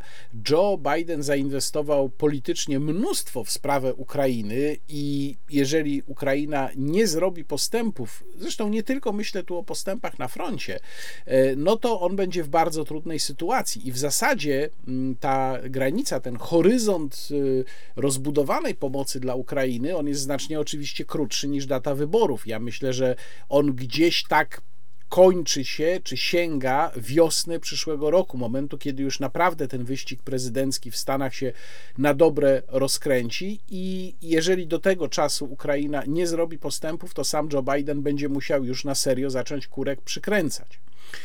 Więc y, my w tym wszystkim oczywiście jak zwykle znajdziemy się z ręką w nocniku, już zresztą mam wrażenie, że ją tam głęboko trzymamy. Widać, że sam Kijów również robi się nerwowy. Na to mogą wskazywać takie wypowiedzi, jak chociażby ta Dmytro Kuleby z Toledo ze spotkania ministrów spraw zagranicznych Unii Europejskiej, kiedy to pan minister Kuleba był łaskaw powiedzieć, że kto krytykuje ukraińską ofensywę, to niech się lepiej zamknie. No taka bardzo elegancka wypowiedź, charakterystyczna dla knajackiego stylu y, ukraińskiej dyplomacji, coraz bardziej zresztą knajackiego i ta knajackość, która zaczyna się w tym, y, w tym języku dyplomacji ukraińskiej przewijać, która zresztą no, jest naturalna dla dyplomacji tamtego kręgu kulturowego, bo to i dla rosyjskiej również, tak samo jak dla białoruskiej, czy właśnie dla ukraińskiej, ona też no, bierze się właśnie z pewnej nerwowości. Można powiedzieć, że te takie y, bardziej immanentne cechy języka E, ukraińskiej polityki wychodzą na jaw, tym bardziej, im bardziej nerwowa robi się sytuacja. No i w tych okolicznościach polski rząd, polska władza właściwie w ogóle przestała zabierać na temat Ukrainy głos. E, I my też, prawdę mówiąc, nie za bardzo możemy już ograniczyć nasze mm, zaangażowanie pomocowe, bo my już większość tego, co mogliśmy, to daliśmy. No ale tutaj jest pytanie, co jeszcze można zrobić? Przede wszystkim cały czas wydajemy pieniądze na e, socjal, czy też na leczenie ukraińskich uchodźców, którzy są w Polsce. Analizę tego tematu trzeba zacząć od wyjaśnienia, na jakich zasadach Ukraińcy są w Polsce. Ja kiedyś już o tym Państwu mówiłem, ale ponieważ minęło od tego czasu wiele miesięcy, być może nawet więcej niż rok, to warto to powtórzyć. Widzę, że wiele osób jest zaskoczonych, że Ukraińcy w Polsce nie są na zasadach uchodźców. To znaczy, oni nie mają prawno-międzynarodowego statusu uchodźcy e, na podstawie konwencji dublińskiej mm, e, z 1997 roku. Dlaczego? Dlatego, że oni są w Polsce na mocy polskiej specustawy e, z 12 marca ubiegłego roku o pomocy obywatelom Ukrainy w związku z konfliktem zbrojnym na terytorium tego państwa. Ta z kolei specustawa jest nadbudowana, jak gdyby, na unijnej decyzji wykonawczej Rady Unii Europejskiej y, numer 2022 przez 382 z 4 marca 2022 roku, która to decyzja wykonawcza stwierdza, że zaszły okoliczności opisane w dyrektywie unijnej 2001 przez 55 przez WE. I to ta dyrektywa unijna jest źródłem mm, prawa i wiedzy o tym, do czego my jesteśmy zobowiązani, jeżeli chodzi o przyjęcie ukraińskich uchodźców. Czyli oni są uchodźcami w sensie potocznym, natomiast w sensie prawno-międzynarodowym mają taki szczególny status oparty na prawodawstwie unijnym. I ta dyrektywa, o której mówię, ona określa w swoim artykule 13 minimalne warunki, które musimy spełnić, przyjmując ukraińskich uchodźców. I tutaj pozwolą Państwo, że sięgnę do tekstu tej dyrektywy i przeczytam Państwu, jakie te warunki są. Państwa członkowskie w punkcie pierwszym. Państwa członkowskie zapewnią osobom korzystającym z tymczasowej ochrony dostęp do odpowiedniego zakwaterowania oraz, gdzie konieczne, niezbędne środki do uzyskania zakwaterowania. Punkt drugi. Państwa członkowskie ustanawiają przepisy mające na celu zapewnienie osobom korzystającym z tymczasowej ochrony niezbędnej pomocy w zakresie pomocy społecznej i uzyskania środków do życia, jeżeli nie posiadają one wystarczających środków, jak również w zakresie opieki medycznej. Bez uszczerbku dla ustępu czwartego Niezbędna pomoc w zakresie opieki medycznej obejmuje przynajmniej opiekę w nagłych wypadkach oraz podstawowe leczenie chorób. Punkt trzeci. W przypadku, gdy osoby korzystające z tymczasowej ochrony są pracownikami najemnymi lub prowadzą działalność na własny rachunek, należy wziąć tę okoliczność pod uwagę przy ustalaniu proponowanego poziomu pomocy z uwzględnieniem ich możliwości zaspokajania własnych potrzeb. I punkt czwarty. Państwa członkowskie udzielają niezbędnej pomocy medycznej i innej osobom korzystającym z tymczasowej ochrony, które wymagają szczególnej pomocy, takim jak osoby małoletnie, pozbawione opieki, osoby torturowane, ofiary gwałtu lub innych form przemocy fizycznej, psychicznej lub seksualnej. Jak Państwo widzą, z tego przepisu absolutnie nie wynika, że Polska ma obowiązek robić wobec ukraińskich uchodźców to, co robi. Jeżeli ktoś twierdzi, że unijne przepisy nakazują nam na przykład wypłacać uchodźcom 500, no to mówi kompletne bzdury. Nie tylko nie nakazują, ale wręcz przeciwnie. E, dyrektywa mówi o bardzo minimalnych zobowiązaniach. My mamy zapewnić dach nad głową, niezbędną, minimalną opiekę medyczną możliwość podjęcia pracy, ale ba, tam przecież nawet jest mowa o tym, że jeżeli ktoś się sam utrzymuje, to my możemy dostosować poziom pomocy do jego własnych możliwości, czego przecież Polska kompletnie nie zrobiła i w ogóle nie wzięła tego pod uwagę. No to teraz pojawia się pytanie, jakie my właściwie ponosimy koszty. Przecież y, minęło ponad półtora roku trwania tej wojny. Wciąż przewija się ta suma, którą kiedyś wymieniła pani minister Rzeczkowska w czasie wizyty z panem premierem w Stanach Zjednoczonych. Powiedziała wtedy o 50 miliardach złotych w pierwszym roku trwania wojny, ale trudno powiedzieć, co dokładnie miała na myśli, jakiego typu koszty miała na myśli, ponieważ ta wypowiedź była bardzo ogólnikowa i w takiej też formie została nam przekazana. Są różne segmenty tych kosztów, które myśmy ponieśli lub ponosimy nadal. To jest pomoc sprzętowa, pomoc wojskowa, to jest bezpośrednia pomoc dla państwa ukraińskiego, ta, o której pan premier kiedyś z takim zaangażowaniem mówił, że trzeba Ukrainie pomagać, bo instytucje inaczej padną, państwo się złoży. E, to są wreszcie też koszty ponoszone przez instytucje państwowe, ale także przez spółki Skarbu Państwa, koszty, których nikt nigdy nie podliczył. Czyli na przykład przekazywanie przez spółki Skarbu Państwa, nieodpłatne oczywiście, jakiegoś tam sprzętu kupionego za pieniądze tych firm, co ostatecznie mm, te spółki przecież sobie wynagradzają mm, y, y, poprzez swoich klientów. Powinniśmy dostać od rządu absolutnie klarowną informację, ile pomogliśmy, jakie to są koszty i z czego one wynikają. O tym mówił y, na moim kanale w rozmowie niekontrolowanej nie tak dawno pan doktor Artur mm, Bartoszewicz. No, co my właściwie możemy wiedzieć? Bo pojawia się też często argument, że e, przecież Ukraińcy też wnoszą dużo do polskiego budżetu. Zaraz o tym powiem. Próbuję się zorientować, próbowałem się zorientować, jak to z tym jest, jaki jest ten koszt netto, jeżeli chodzi o taki bieżący pobyt ukraińskich uchodźców. No i do tego e, musielibyśmy też wiedzieć, mm, e, ile kosztują programy socjalne, a także ile kosztuje na przykład leczenie, no bo to jest jeden z najpoważniejszych kosztów. Mamy niestety tylko informacje dotyczące ubiegłego roku. Od marca do grudnia 2022 roku koszt mm, leczenia obywateli Ukrainy, w tym ukraińskich żołnierzy, których podobno było około 100 czy ponad 100 leczonych w polskich szpitalach, miał wynieść 514 milionów złotych. No ale myślę, że to są dane już też mocno mm, nieaktualne. Zwróciłem się do Narodowego Funduszu Zdrowia już chyba co najmniej tydzień temu o przekazanie takich informacji, ale nadal odpowiedzi nie mam. Wiemy, że łącznie na programy 500, Dobry Start, y, Rodzinny Kapitał Opiekuńczy y, i tam jeszcze chyba dwa takie już kompletnie, y, kompletnie mało kosztujące, wydaliśmy od początku wojny 2,6 miliarda złotych dla mm, Ukraińców.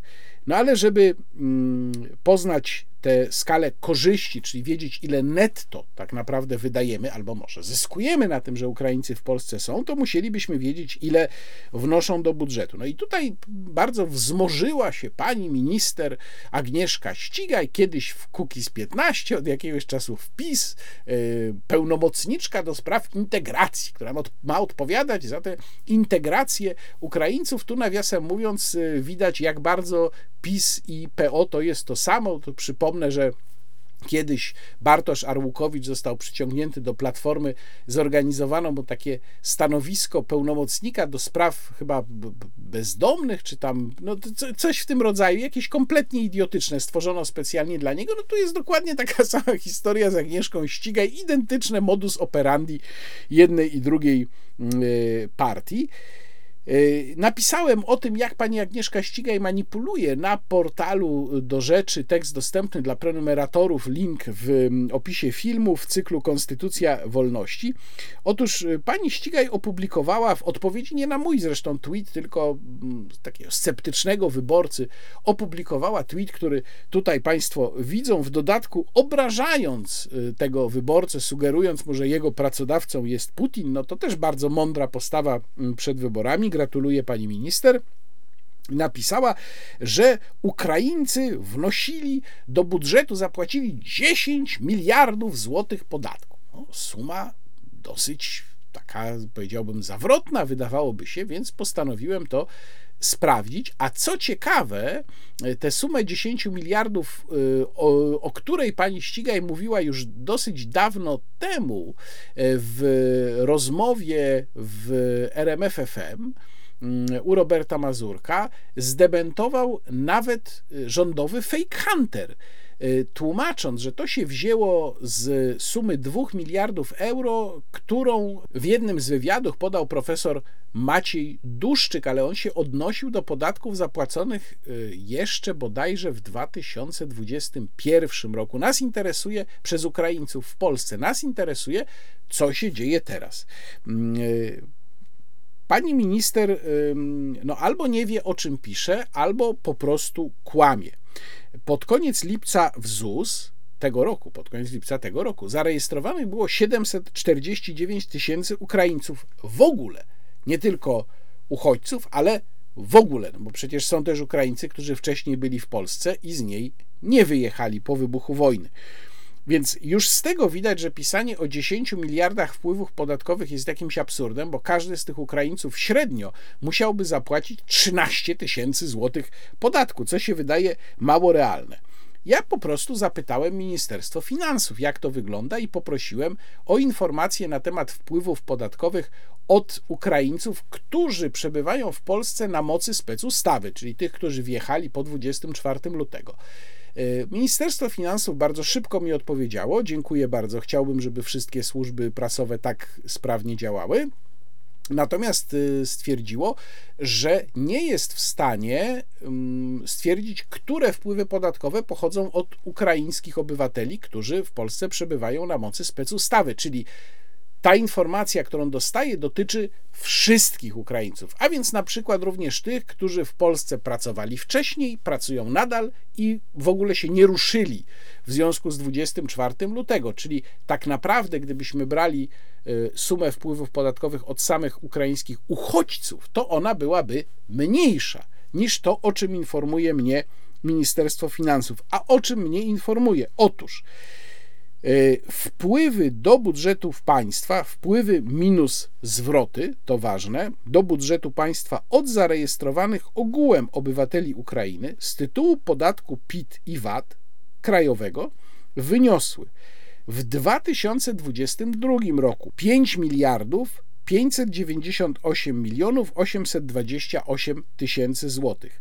a w 2023 do tej pory tylko 2 miliardy 187 milionów 856 tysięcy złotych. No to widać y, z tej sumy i z tych chociażby bardzo szacunkowych sum, które przytoczyłem wcześniej, mówię o tych ponad 500 milionach na leczenie i wydatkach 2,6 miliarda na programy socjalne, że w najlepszym wypadku to wygląda na wychodzenie na zero. W najlepszym wypadku. Natomiast raczej podejrzewam, że tak naprawdę bilans jest ujemny. Podsumowując, poza retoryką, która miała nasilenie y, swoje apogeum w okolicach 11 lipca, potem trochę jeszcze trwała w związku z konfliktem o zboże, polski rząd nie zrobi kompletnie, nie robi kompletnie nic, żeby w jakiś sposób ograniczyć poziom y, pomocy czy obciążenie pomocowe związane z wojną na Ukrainie, podstawowym i oczywistym działaniem w tym kierunku powinno być wyznaczenie końcowej daty obowiązywania przywilejów socjalnych czy objęcia ukraińskich uchodźców programami socjalnymi w Polsce. E, wojna na Ukrainie może trwać jeszcze latami w takiej zamrożonej postaci. Większość obywateli Ukrainy spokojnie mogłaby do siebie wrócić. No, mm, nie ma żadnego powodu, żebyśmy my nadal obejmowali ich tymi programami socjalnymi. Po prostu powinna zostać wyznaczona końcowa data, a potem e, ta bytność, ten pobyt Ukraińców w Polsce powinien zostać mm, e, zagwarantowany na takim poziomie, na jakim wymaga tego od nas unijna dyrektywa.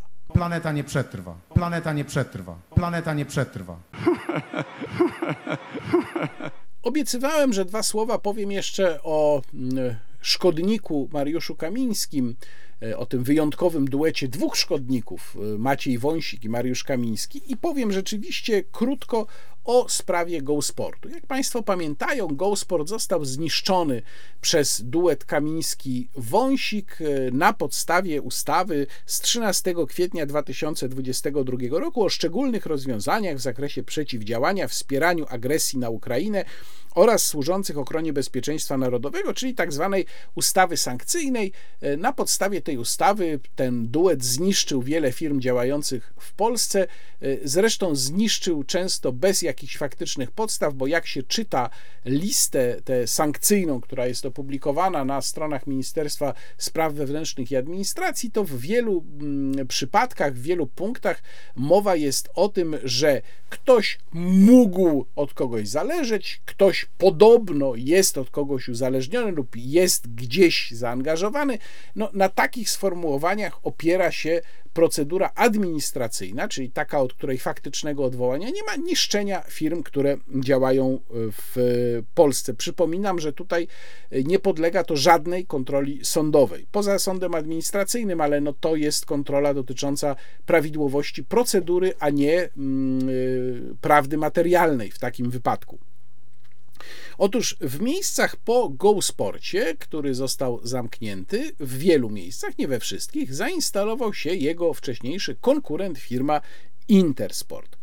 No i teraz okazuje się, że ten Intersport ma przejąć, w tej chwili sprawa jest sprawdzana, badana przez UOKiK, e, ukraińska biznesmen pani Galyna Fedoriwna Gerega, która dysponuje majątkiem blisko 400 milionów dolarów. No, to chyba jest oczywiste, że tego typu osoby na Ukrainie, która, jak wielokrotnie mówiłem, jest państwem systemowo skorumpowanym, nie mogą mieć czystych rąk. No po prostu tam, jak się było biznesmenem tej klasy, e, na tym poziomie z takimi pieniędzmi, to człowiek musiał uczestniczyć w systemowej korupcji. Nie ma innego sposobu.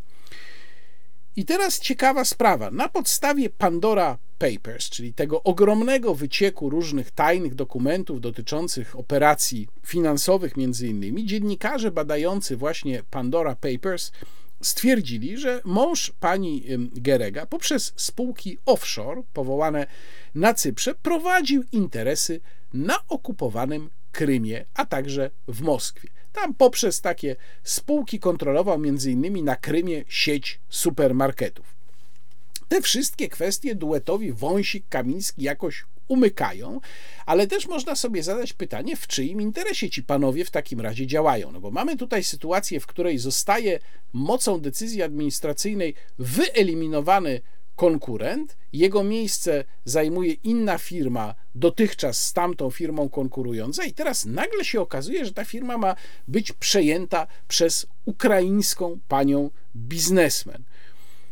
Wszystko to wygląda bardzo dziwnie, bardzo podejrzanie i ja mam nadzieję, że kiedyś, bo na razie oczywiście opozycja, znów, no to jest zbyt merytoryczna sprawa, żeby się nią zajmowała, a poza tym chodzi tu o Ukrainę, przecież koalicja obywatelska jest bardzo proukraińska również, ale chciałbym, żeby kiedyś powstała komisja śledcza, sejmowa komisja śledcza, y, która mogłaby mm, y, powołać przed swoje oblicze właśnie pana Macieja Wąsika, pana Mariusza Kamińskiego i zbadać, jakie były ich motywacje, przesłanki, jakie procedury obowiązywały, kiedy oni wciągali na listę sankcyjną kolejne firmy różnego rodzaju, niszcząc je w Polsce, a przypomnę też, że specustawa, o której wcześniej mówiłem, daje tym panom możliwość de facto upaństwowienia tych firm. One nie tylko mogą zostać przejęte przez spółkę pracowniczą,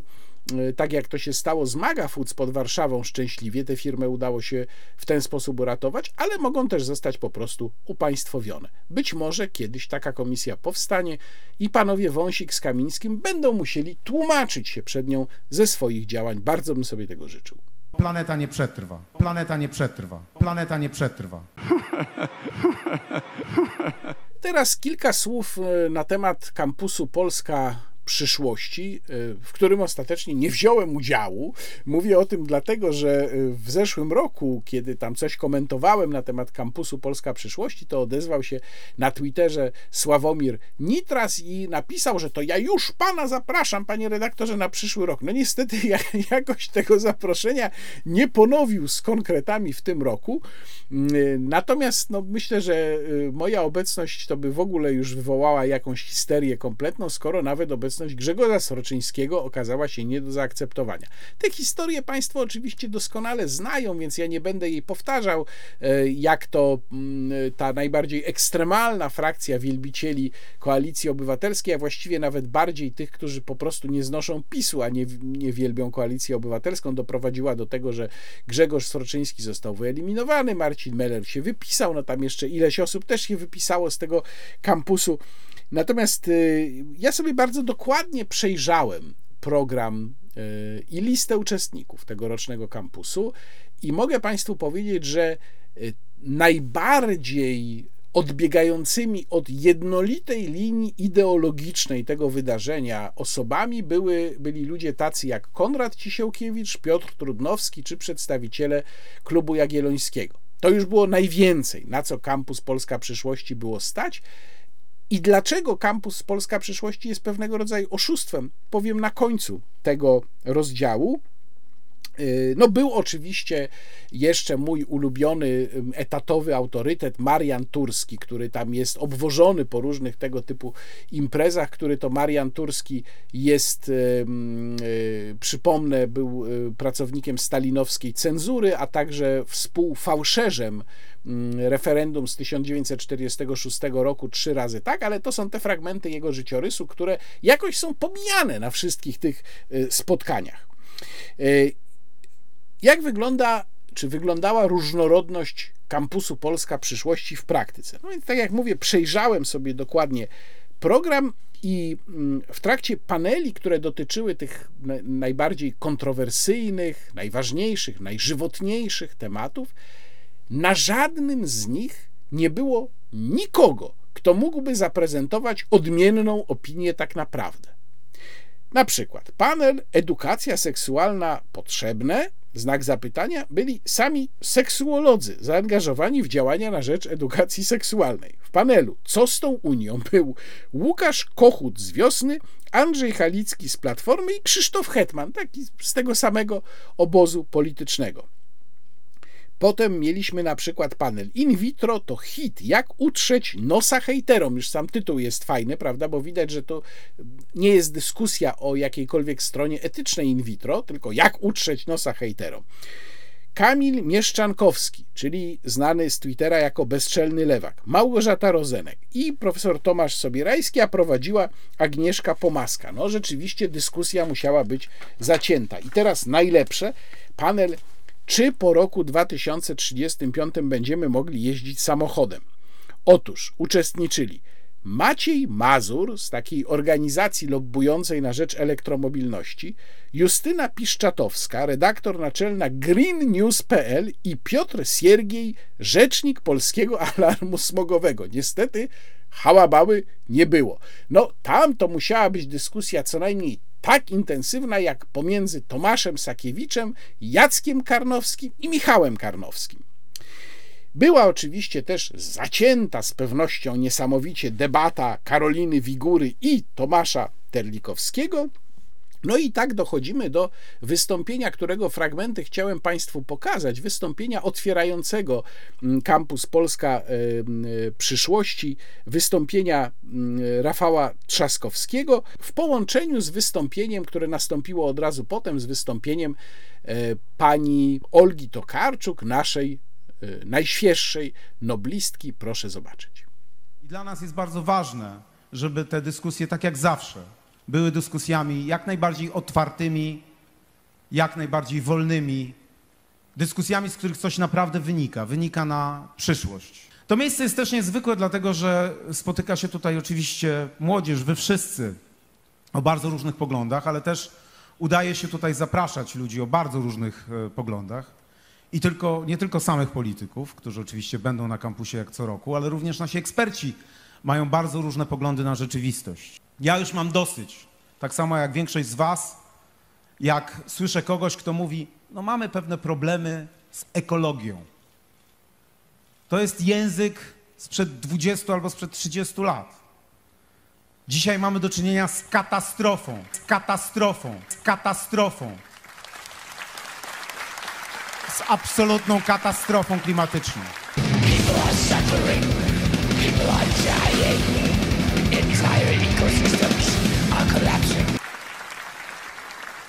Ja jestem głęboko przekonany, że jeżeli ktoś tego nie rozumie, to go to dyskwalifikuje w ogóle z debaty publicznej. Dlatego, że dzisiaj najważniejsze jest to, że ci, którzy uczestniczą w debacie społecznej czy politycznej, powinni być dobrze do tego przygotowani. Dlaczego, jeżeli ktoś tego problemu nie rozumie albo próbuje go minimalizować, moim zdaniem jest to wyrok dyskwalifikujący dla kogoś takiego, kto chce uczestniczyć w debacie społecznej czy politycznej. Dlatego, że to oznacza, że jego kompletnie nie interesuje przyszłość.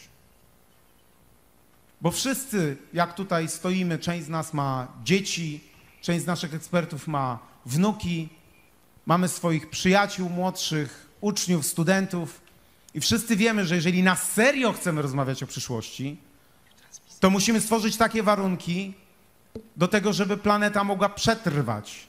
I tutaj naprawdę nie ma żadnej przesady w tych słowach, że jeżeli o tym nie będziemy mówić poważnie, jeżeli nie będziemy mieli recept, to planeta nie przetrwa. Kwestia edukacji.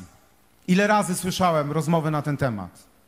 Edukacji, która jest po prostu przestarzała. Ile można wkuwać na pamięć tych samych formułek?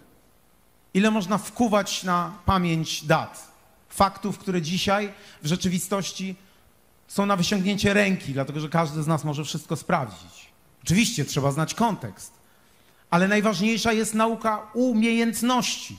Za chwilę przed nami gość wyjątkowy, gościni wyjątkowa i specjalna. Jak się wczytacie w książki, ale również jak się wczytacie w te ostatnie bardzo istotne teksty naszej noblistki, to zwróćcie uwagę na słowa. Słowa są niesłychanie istotne. Te słowa potrafią zmieniać rzeczywistość. Słowa, które wydawało się polityce, to już na pewno, ale część z nas wyrzuciła ze swojego słownika. Czułość, wrażliwość. Przede wszystkim e, dziękuję prezydentowi Rafałowi Trzaskowskiemu, że e, wspomniał o tym, co jest pewnie, co, co porusza nas wszystkich i was, i mnie, e, mianowicie o, o tym, że sytuacja jest trudna, o katastrofie ekologicznej, która się już zaczęła i która trwa i która jest właściwie nie do zatrzymania. My dzisiaj żyjemy od jakichś 300 lat w takim, y, w takiej ontologii, którą antropologowie nazywają naturalizmem. Mamy mm, bardzo podobną wizję świata. Znaczy jesteśmy my, nasze ja, jest jakiś, to jest podmiot, który ogląda ten świat. Ten świat jest obiektywny, istnieje na zewnątrz, można nim manipulować. To jest świat, y, w którym podporządkowaliśmy sobie przyrodę i traktujemy ją w, w szczególny sposób jako zasób, jako swego rodzaju mm, bogactwo, z którego możemy bezkarnie korzystać, wykorzystywać. Ale też y, w historii człowieka ludzie posługiwali się innymi sposobami myślenia, mieli inne światopoglądy.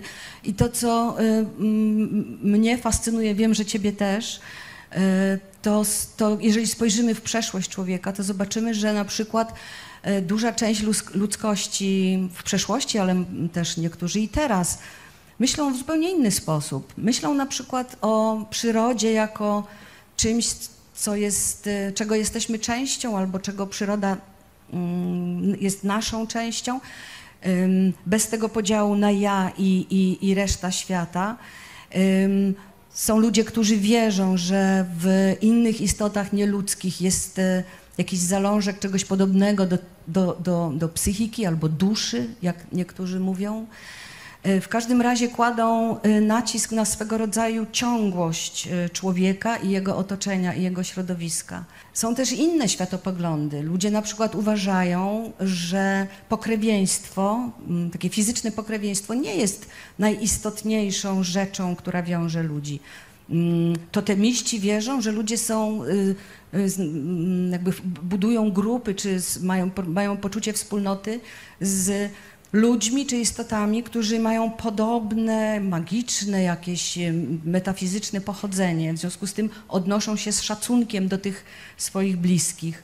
Są ludzie też, są kultury wielkie, które mm, polegają na tropieniu pewnych podobieństw, związków między różnymi bytami, ożywionymi nieożywionymi. Widzą w tym jakąś sieć współzależności, którą można jakoś odkryć i z, z tą mądrością y, żyć i, i, i leczyć się, rozwijać y, i budować świat. Te stare mity dają bardzo nam dużo wiedzy o, o świecie i o tym, że drogą bohatera do tej pory było podbijanie świata, mm, stawanie, traktowanie natury jako coś brudnego, nieczystego, chaotycznego, co domaga się uporządkowania. Natura bardzo często była, często i jest postrzegana jako swego rodzaju stajnia Augiasza, którą trzeba podporządkować.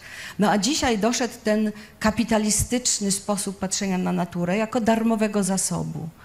Jak sobie przypomnicie, na przykład w Stanach Zjednoczonych, kiedy odkryto ropę naftową, no to traktowano tę ropę naftową jako własność tego pierwszego, który przybędzie tam i wykopie sobie tą studnię i zacznie y, tę ropę eksploatować. Potem zaczęto tym handlować, sprzedawać zasoby naturalne ziemi. Dzisiaj ogromnym problemem jest woda.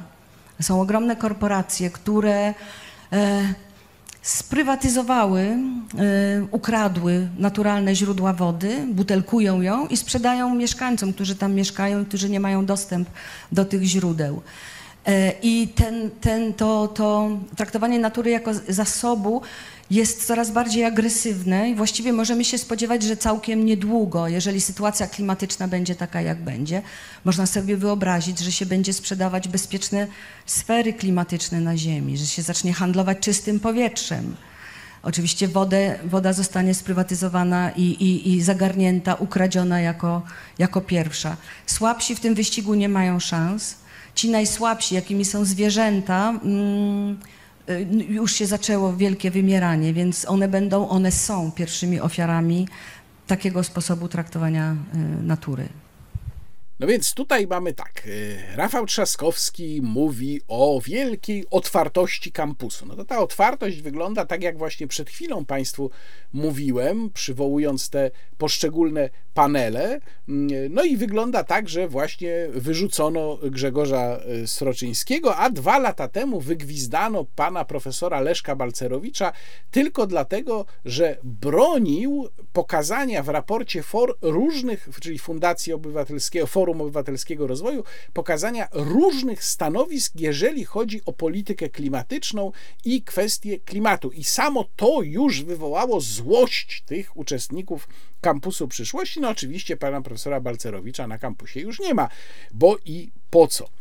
Y, Tam Rafał Trzaskowski mówi, że y, jesteśmy bardzo otwarci, oczywiście różne stanowiska, po to tu jesteśmy, ale ci, którzy kwestionują y, potrzebę prowadzenia radykalnej polityki klimatycznej, to oni powinni w ogóle zniknąć z debaty publicznej.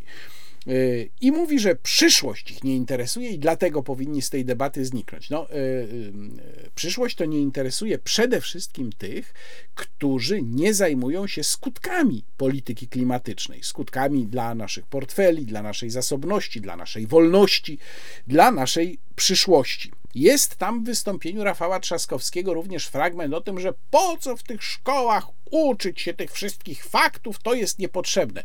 To jest bardzo charakterystyczne dla lewicy. Rzeczywiście, y, nauka faktów ma być zbędna. Uczmy się umiejętności.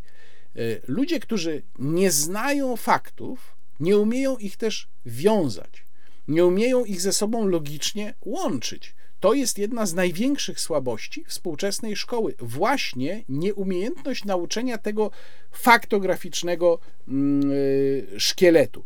I z tym łączy się to, co y, dalej mówi Rafał Trzaskowski o tym, że czułość, wrażliwość, że to właśnie jest Olga Tokarczuk.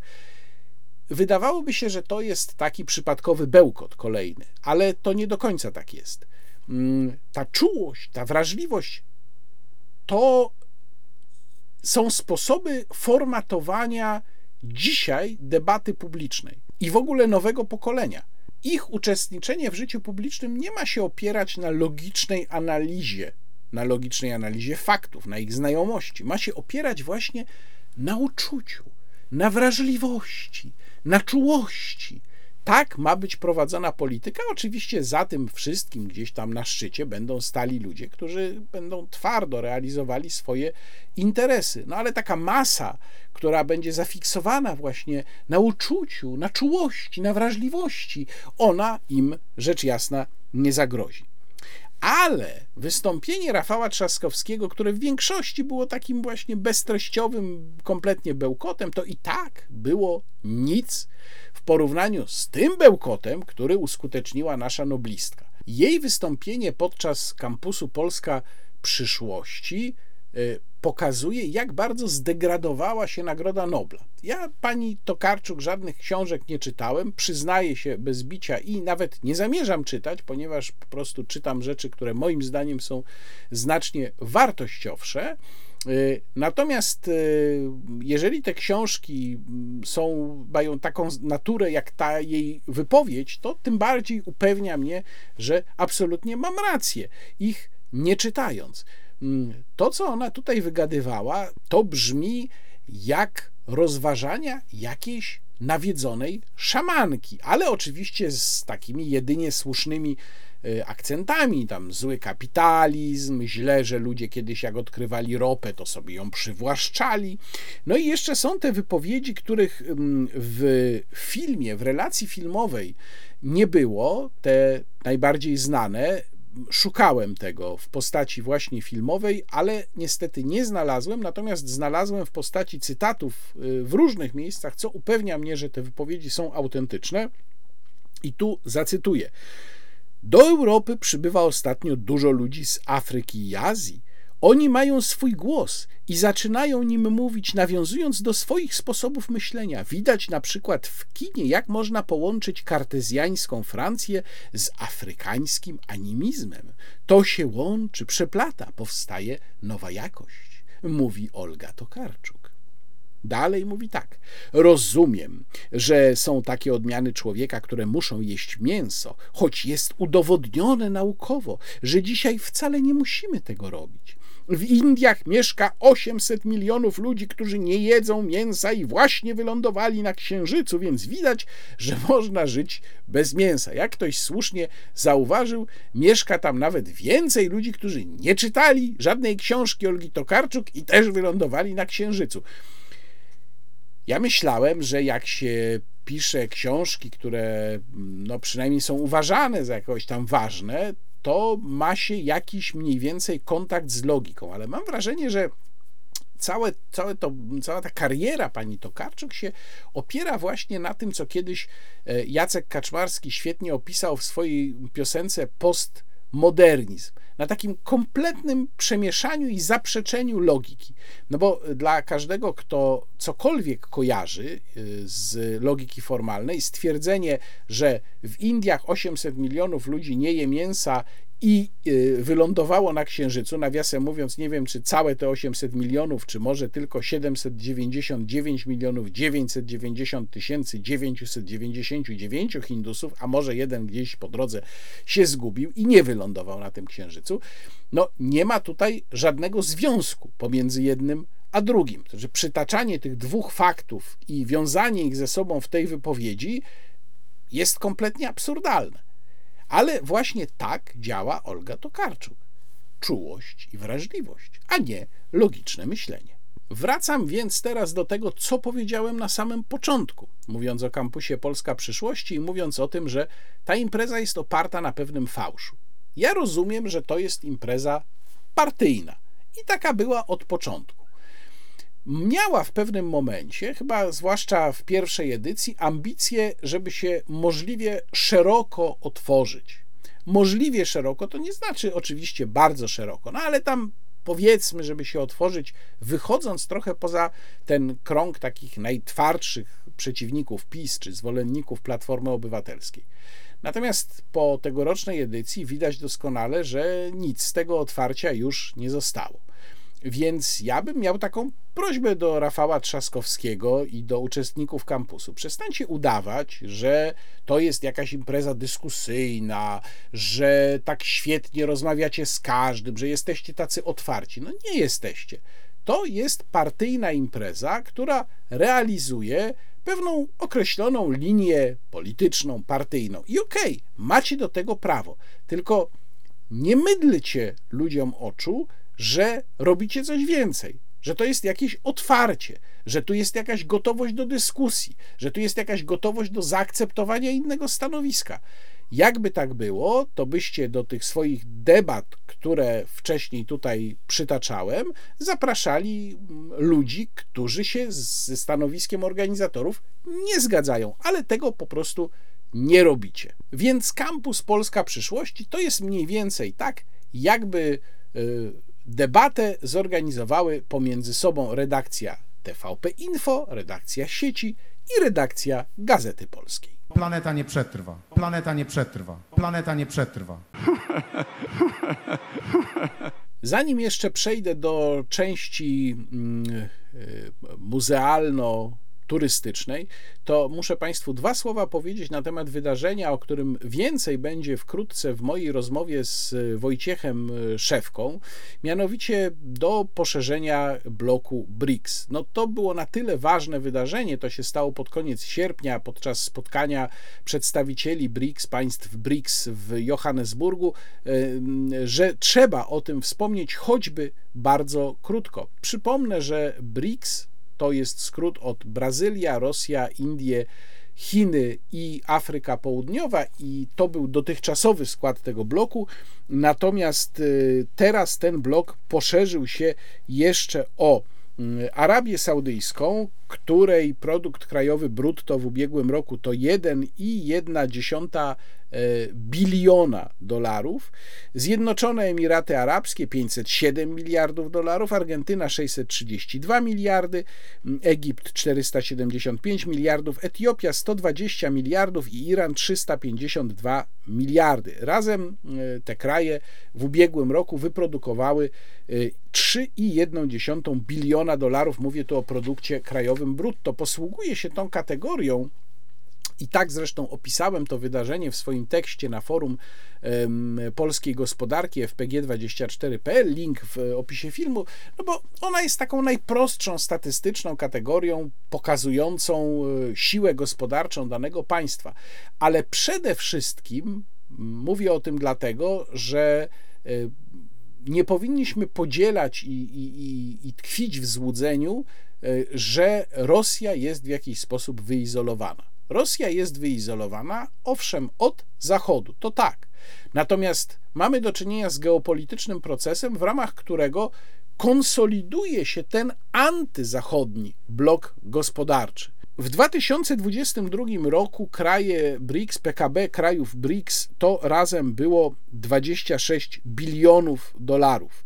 Stany Zjednoczone to było 25,4 biliona dolarów, Unia Europejska 17,1 biliona dolarów. Prognoza na rok 2028 mówi o tym, że połączony PKB krajów BRICS, ale tych dotychczasowych krajów BRICS, to ma być blisko 40 bilionów dolarów, z, tego, z czego największa część oczywiście będzie przypadała na Chiny 27,5 e, biliona dolarów. Zatem prognozy są takie, że ta wojna, ta rywalizacja pomiędzy blokiem zachodnim a blokiem, no właściwie trudno powiedzieć wschodnim, blokiem, blokiem BRICS, blokiem opartym na Indiach, Chinach, trochę na Rosji, ale może na Rosji coraz mniej, która tam staje się coraz mniej istotnym partnerem, że ta rywalizacja będzie coraz bardziej wyrównana.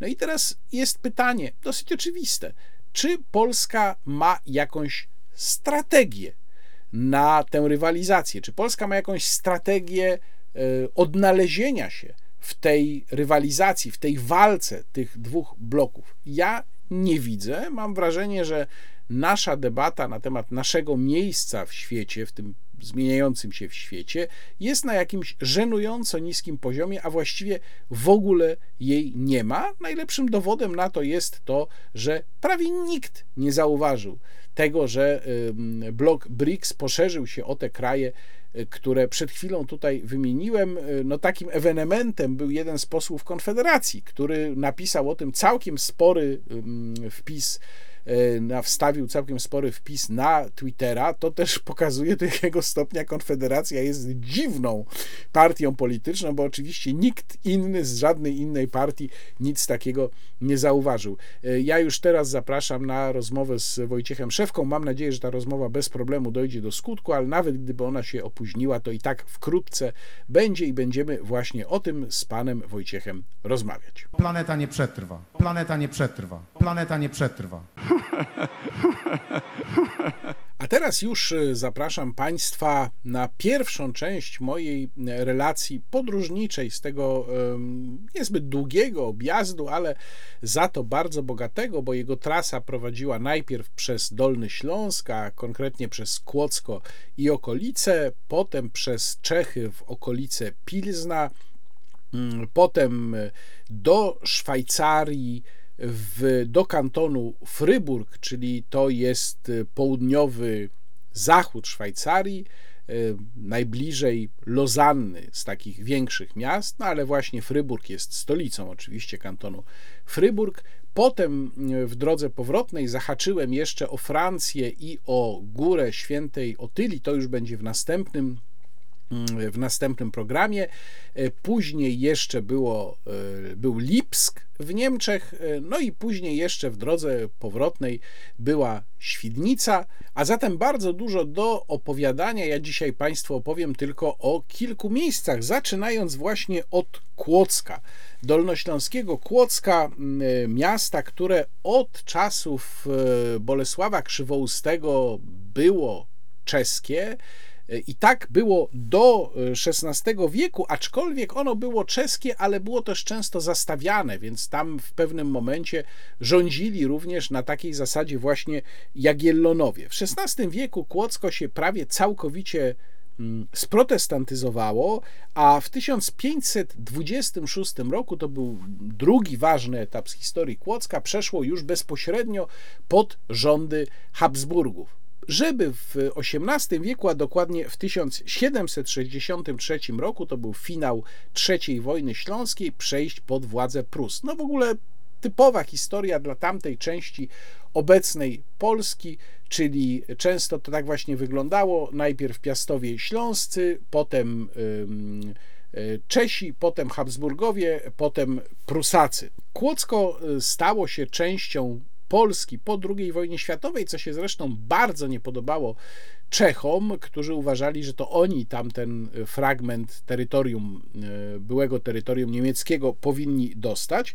I o historii Kłodzka bardzo wiele można się dowiedzieć w niezwykle ciekawym Muzeum Ziemi Kłodzkiej. To jest typowe lokalne muzeum, e, ale lokalne muzea jak pewnie niektórzy z Państwa wiedzą, bywają słabe, a bywają mocne. To bym określił, czy ocenił w skali od 1 y, do 10 na takie powiedzmy mocne 7. To jest naprawdę ciekawe, interesujące muzeum. Część ekspozycji, ta, od, y, ta część, od której zaczynamy, znajduje się w piwnicach. I to pozwala trochę wyobrazić sobie, jak wyglądał bardzo rozbudowany system podziemi, takich właśnie połączonych ze sobą piwnic budowanych przez setki lat, na takiej samej zasadzie, na jakiej budowano podobne piwnice w Sandomierzu.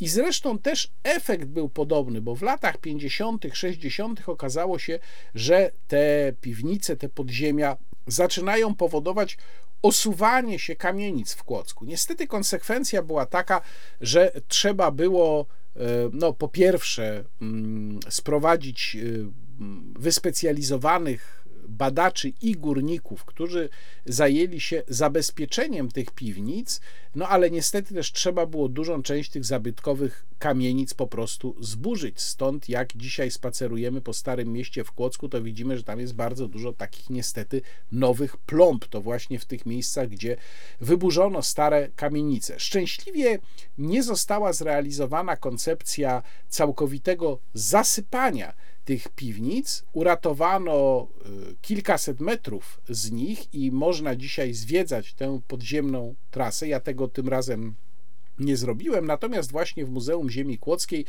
trochę się po takich piwnicach y, chodzi. Kiedyś to była po prostu część tego większego systemu. W muzeum znajdziemy wiele zabytków y, z historii Kłodzka, one ją po prostu opowiadają, a również będą to rzeczy związane z chyba najwybitniejszą postacią, przynajmniej w dawnych wiekach, związaną właśnie z Kłodzkiem, także z Dolnym Śląskiem, z Czechami, czyli Arnoszt z Pardubic.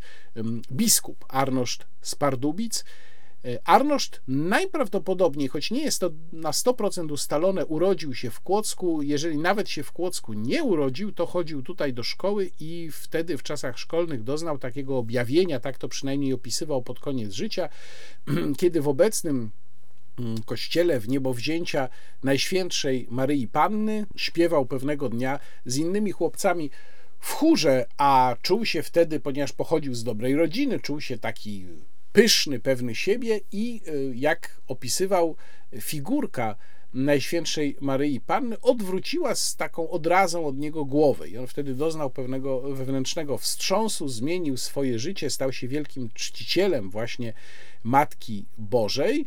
E, no, bardzo wybitna postać, również bardzo ważna postać dla Czechów, bliski współpracownik mm, e, cesarza Karola IV. Jego grób jest właśnie w kościele w niebowzięcia Najświętszej Marii Panny. Tam jest taka dosyć zniszczona płyta, pomnik nagrobny, ale jest też nowy, XIX-wieczny, bardzo piękny pomnik Arnoszta z Pardubic. W muzeum polecam również, y, proszę go nie przeoczyć, film wyświetlany w makiecie wagonu. Ta makieta wagonu nawiązuje oczywiście do repatriacji, e, czy właściwie przesiedlenia, tak należy mówić prawidłowo, e, Polaków z Kresów, które niestety utraciliśmy, właśnie do Kłodzka. I ten film już sprzed chyba kilkunastu lat to są relacje ludzi, którzy jako dzieci przyjechali, przyjechali mm, e, do Kłodzka e, po zakończeniu II wojny światowej, właśnie w zdecydowanej większości stamtąd, z dawnych kresów niezwykle ciekawe relacje. Ja z nich zapamiętałem przede wszystkim to, że Kłodzko, które nie zostało w ogóle zniszczone w czasie wojny, bo Niemcy też się z niego wycofali praktycznie bez walki, ono było nietknięte. Ci ludzie przyjeżdżali z miejsc wojną zniszczonych albo miejsc, no prawdę mówiąc, cywilizacyjnie zapóźnionych. Tam na przykład jeden pan mówi o tym, że przyjechał z Włodzimierza Wołyńskiego i wszyscy powtarzają to samo, że to Kłodzko czyściutkie, Kłodzko uporządkowane, Kłodzko wypieszczone wręcz, wydawało im się jak miasto z bajki, a mogli tam y, w większości wybrać sobie też, gdzie będą chcieli mieszkać. Druga ciekawa rzecz jest taka, że Polacy pomagali Niemcom, którzy tam jeszcze zostali. Potem oczywiście w związku z układem poczdamskim ci Niemcy zostali wysiedleni y, do Niemiec, ale póki byli, to Polacy im pomagali. Dzieci bawiły się ze sobą razem. Tam jeden z tych Polaków wspomina, że nie było właściwie żadnych tutaj kłótni. To też jest ciekawe, to też jest może nietypowe, to też trochę zaprzecza takiemu stereotypowemu obrazowi tego, co się działo po wojnie. Y, na górze muzeum znajdą Państwo jeszcze niezwykle ciekawą, bardzo bogatą wystawę zegarów. Chyba ja tak bogatej wystawy zegarów w żadnym innym muzeum nie widziałem. To jest pewien unikat. Może gdzieś taka jeszcze w Polsce jest, nie wiem, ale ta jest na pewno najbogatsza z tych, które zdarzyło mi się widzieć. No i polecam Państwu koniecznie wizytę w kościele w niebowzięcia Najświętszej Marii Panny, tym właśnie, gdzie jest grób Arnoszta z Pardubic. To jest niesamowity, przepiękny kościół, jeden zdecydowanie z najładniejszych kościołów, w jakich byłem, włączając w to kościoły rzymskie. Mm, kościół, y, którego zewnętrzna forma jest gotycka, natomiast wnętrze jest barokizowane, ale y, no, to daje taką bardzo, przynajmniej dla mnie, dobrą kombinację. Ta barokizacja się idealnie tam wkomponowała w gotycką formę. Warto zwrócić uwagę na wspaniałe figury apostołów na ścianach nawy głównej Wielkie też wrażenie robi scena w niepowzięcia namalowana na sklepieniu prezbiterium. No i też warto trzymać kciuki za remont organów. Ja słyszałem prezentację organów, organista potem zszedł e, do nas tam na dół i z, z chóru i mówił, że e, organy no, są w kiepskim stanie że jest dużo opóźnień, że niektóre mm, rejestry nie działają.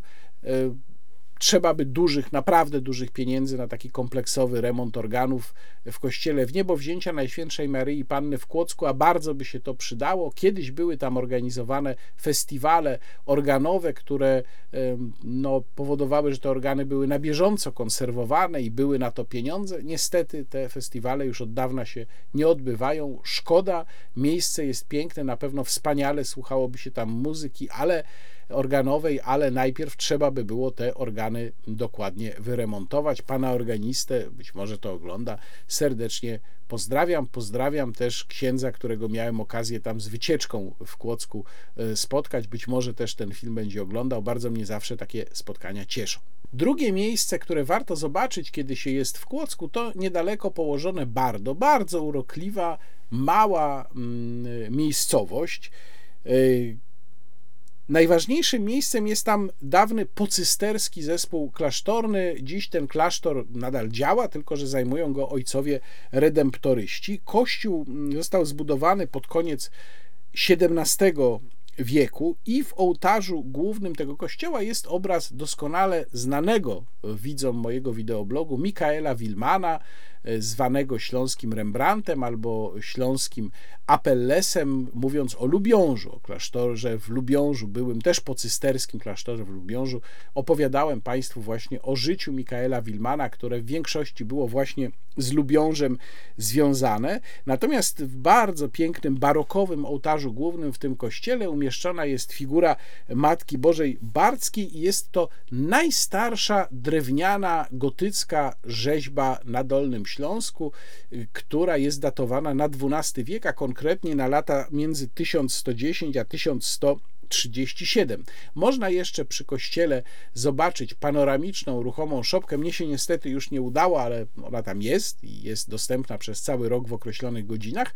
A w samym klasztorze Ojców Redemptorystów jest do obejrzenia Muzeum Sztuki Sakralnej, założone w 1967 roku, gdzie mogą Państwo wziąć, i to polecam, audioprzewodnik i e, jest tam kolekcja ponad 60 barokowych, rokokowych rzeźb, e, są e, sprzęty liturgiczne, są szaty liturgiczne i jest też bardzo interesujący zbiór obrazów, w tym takich symbolicznych, które właściwie nie do końca zostały nawet dzisiaj mm, rozszyfrowane. W bezpośrednim otoczeniu miasteczka jest też wiele miejsc ciekawych, takich jak źródełko Maryi czy wzgórze różańcowe, natomiast w sklepiku, w tym muzeum w klasztorze redemptorystów, to już mówię naprawdę dla koneserów i dla fanów, ale to zwróciło moją uwagę, jest największa kolekcja, e, wybór znaczków turystycznych PTTK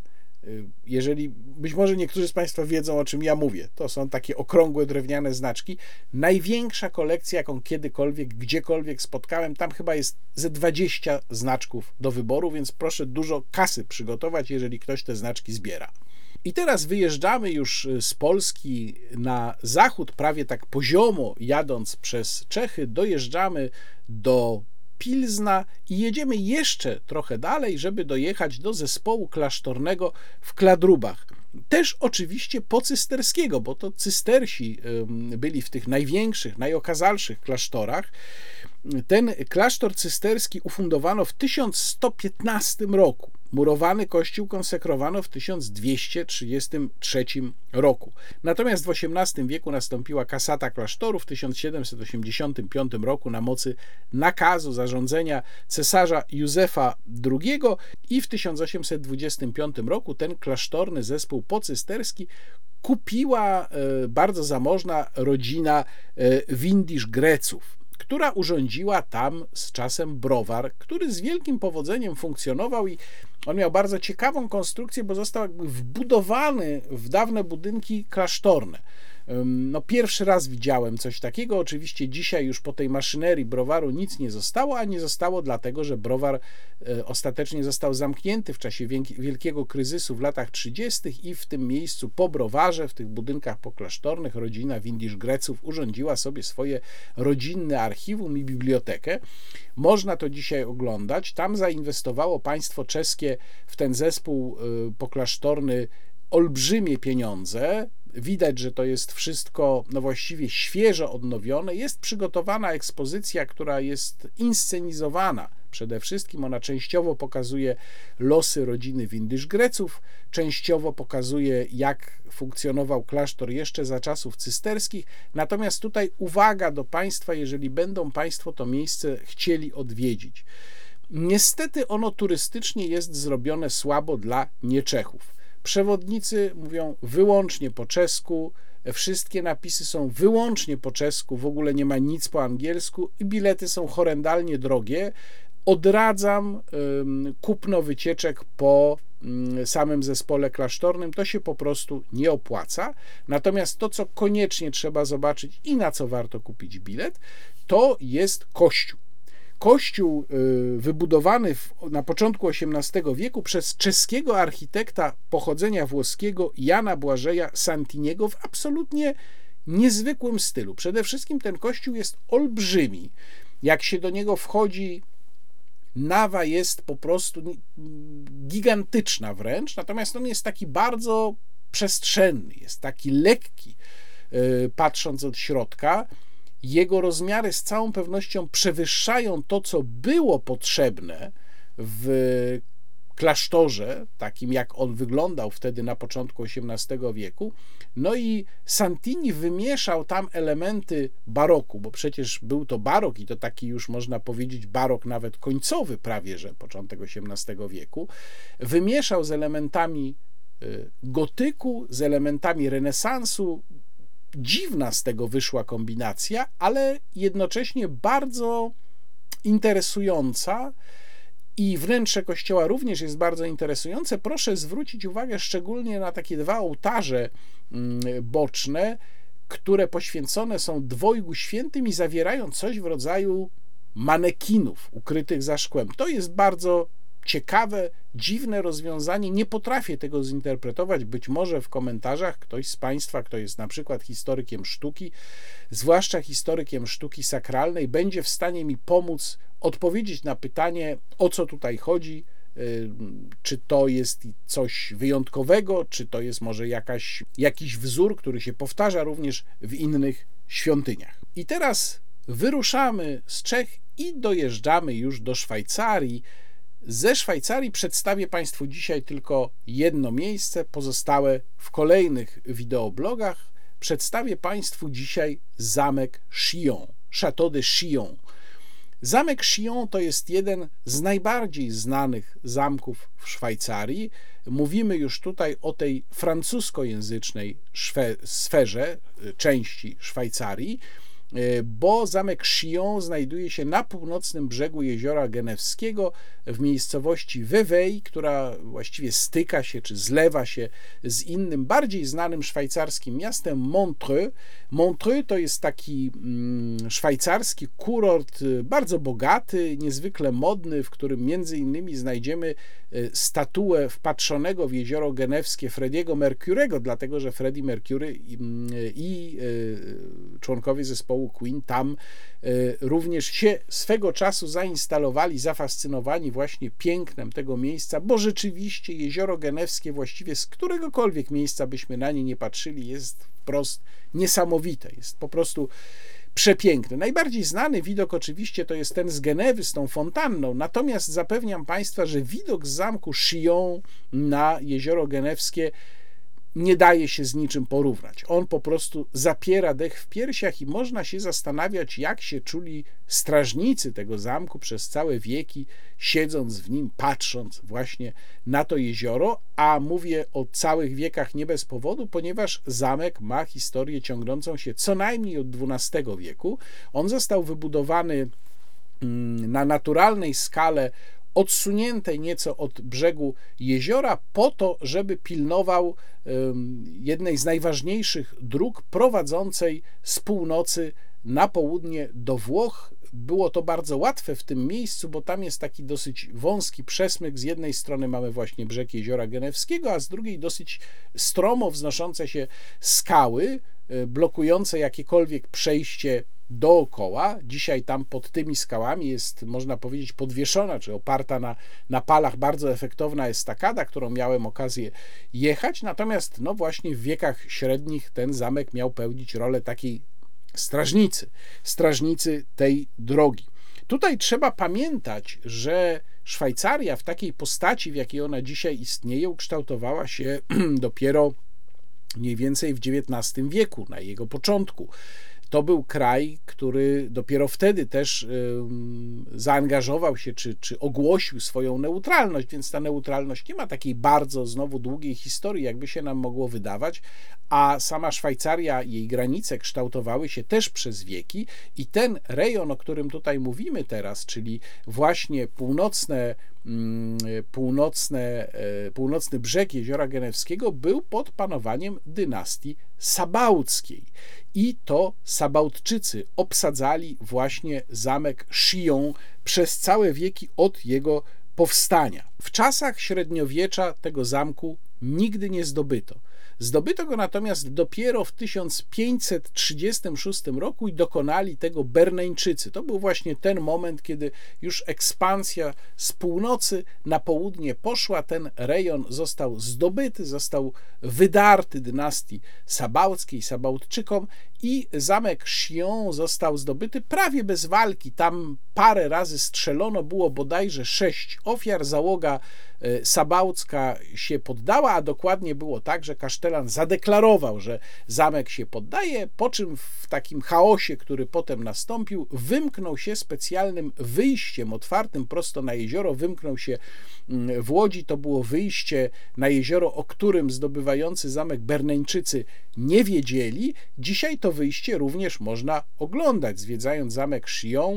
E, to są takie drzwi wychodzące właściwie prosto na jezioro. No i tutaj się zaczyna najbardziej znany mm, znana część historii zamku Chillon, bo jak Berneńczycy do tego zamku weszli, to znaleźli tam w takiej komnacie więziennej na poziomie, tuż ponad poziomem jeziora ojca François Bonivarda, który przebywał tam y, przykuty do piątego filara od wejścia do tej sali, przykuty łańcuchami, przebywał tam od czterech lat, a w sumie w tym zamku więziony był już od lat sześciu. François Bonivar, mm, y, ksiądz y, genewski, obywatel Genewy, który został przez Sabautczyków zamknięty właśnie za sprzeciw wobec dynastii Sabałckiej. To się stało po, po, po, po, y, dosyć długim czasie. On tam uciekał, był, próbowano go złapać. Wreszcie jakimś podstępem go mm, zwabiono, Sabautczycy go złapali i właśnie w tym zamku go uwięzili. No i ta historia uwięzienia ojca Boniwarda mm, przetrwała przez y, całe wieki i stała się sławna, kiedy w ogóle Szwajcaria stała się modna jako miejsce w epoce romantyzmu, miejsce wycieczek różnych znanych osób. Otóż w 1813 roku zamek Chillon, Château de Chillon, odwiedził Lord Byron.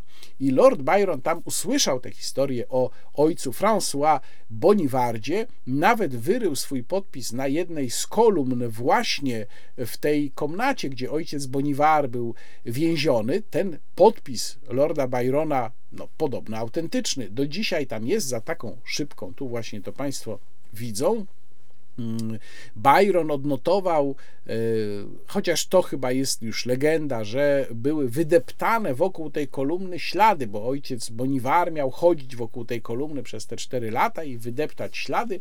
On zresztą potem, e, Bonivar w swoich wspomnieniach opisywał, że wydawało mu się, ponieważ nie był w stanie przez łańcuchy podejść do otworów okiennych, wydawało mu się po refleksach wody, które się tylko odbijały na suficie, że jego więzienie jest w ogóle położone poniżej poziomu jeziora, co było nieprawdą, bo było lekko powyżej. No i po wizycie właśnie w Château de Chillon, Lord Byron, czyli taki można powiedzieć punkt odniesienia przecież dla wszystkich romantyków, włącznie z naszym Adamem Mickiewiczem, napisał poemat o więźniu z zamku Chillon, ten poemat został przetłumaczony swego czasu na polski. Chyba nie ma nowszego tłumaczenia. To jest tłumaczenie bodajże z początku XX wieku i po polsku nazywa się to Więzień Czylonu. Jakbyście Państwo chcieli sobie znaleźć, jest w internecie tekst tego. Natomiast ja w zamku Chillon kupiłem e, taką broszurkę zawierającą ten poemat. E, Chillon History and Poem The Prisoner of Chillon, tak się ten poemat nazywa i jeżeli ktoś studiował twórczość Byrona, to początek tego poematu, czyli sonet na temat Shionu, zaczyna się od słynnego dwuwiersza Eternal Spirit of the Chainless Mind, brightest in dungeons, liberty thou art. Jeżeli Państwo będą w zamku Chillon, to polecam zaopatrzenie się nie tylko w przewodnik, ale właśnie w tę niewielką broszurkę zawierającą również historię ojca Boniwarda, która swoją drogą była bardzo ciekawa. I nie do końca przystawała jednak do tego romantycznego wizerunku, bo ojciec Bonivar, kiedy wrócił do Genewy już po y, uwolnieniu go z tego więzienia na zamku Chillon, to okazało się, że Genewczycy w tym czasie, kiedy jego nie było, zniszczyli jego parafię i skonfiskowali jego ziemię. No i w związku z tym on dosyć wkurzony zaczął się domagać rekompensaty za to, co go spotkało w czasie tego uwięzienia. No początkowo dostał taką stałą pensję od Rady Miasta, tak zwanej Rady 200, która tam rządziła. Został również członkiem tej Rady 200, ale to mu nie wystarczało. Zaczął się do Berna odwoływać. No i wreszcie osiągnięto mm, kompromis. Y, ojciec Bonivar dostał nie tylko y, dom, właśnie te pensje, ale jeszcze dostał wkrótce stanowisko kronikarza Genewy i spisywaniem dziejów Genewy oraz swoich własnych już zajmował się do końca swojego życia. Wracając do samego zamku Chillon, jest bardzo porządnie zrobiona wystawa i to jest naprawdę duży budynek. Mm, zwiedzać go można prawie w całości, natomiast tam oczywiście niewiele zostało, albo właściwie nic nie zostało z obiektów autentycznych z czasów średniowiecznych, natomiast zostały mury. I teraz ciekawa jest również historia przywracania go. Hmm, publiczności, czy właściwie przygotowywania go dla publiczności. To się zaczęło pod koniec XIX wieku, kiedy już nie było pomysłu na to, co można by dalej zrobić, no bo po okresie mm, sabałckim przyszedł okres berneński, potem XIX wiek to jest tak zwany okres kantonalny i tu już właściwie nie było pomysłu, czemu ten zamek może służyć. Więc postanowiono, że y, pod koniec XIX wieku, że trzeba w końcu zdobyć pieniądze i trzeba go y, odrestaurować, trzeba go przygotować na przyjęcie publiczności. No ale tutaj zaczęły się spory w ekipie archeologów, historyków, której powierzono to zadanie, do jakiej postaci go przywrócić. To się bardzo często zdarza wtedy, kiedy mamy do czynienia z zabytkiem wyjątkowym, zabytkiem, który nagromadził w swoich dziejach dużo warstw na sobie do której warstwy go przywrócić, do którego stanu, czy tego średniowiecznego, czy tego z okresu berneńskiego, co zostawić z naleciałości XIX-wiecznych. szefem tej ekipy, która przeprowadzała remont, był archeolog, który upierał się przy tym, żeby mm, oprzeć pomysł na odnowienie, na, na, na restaurację zamku na bardzo rzetelnych, skrupulatnych badaniach archeologicznych i powrócić do tej najdawniejszej, średniowiecznej postaci. No ale okazało się, że to zajmuje bardzo dużo czasu, że też potrzebne są jakieś efekty, no bo przecież na to szły publiczne pieniądze.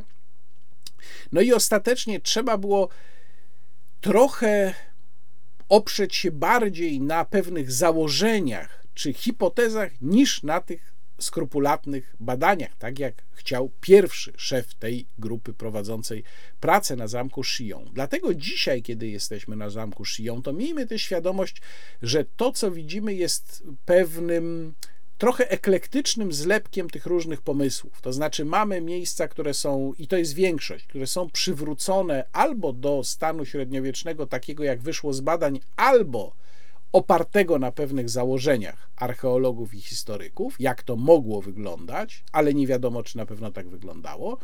W części to jest ten okres berneński, czyli po roku 1536. W części to są rzeczy, których nie dało się już usunąć z okresu kantonalnego, czyli te z y, końca XVIII, z XIX wieku. Natomiast z całą pewnością jest to miejsce robiące ogromne wrażenie.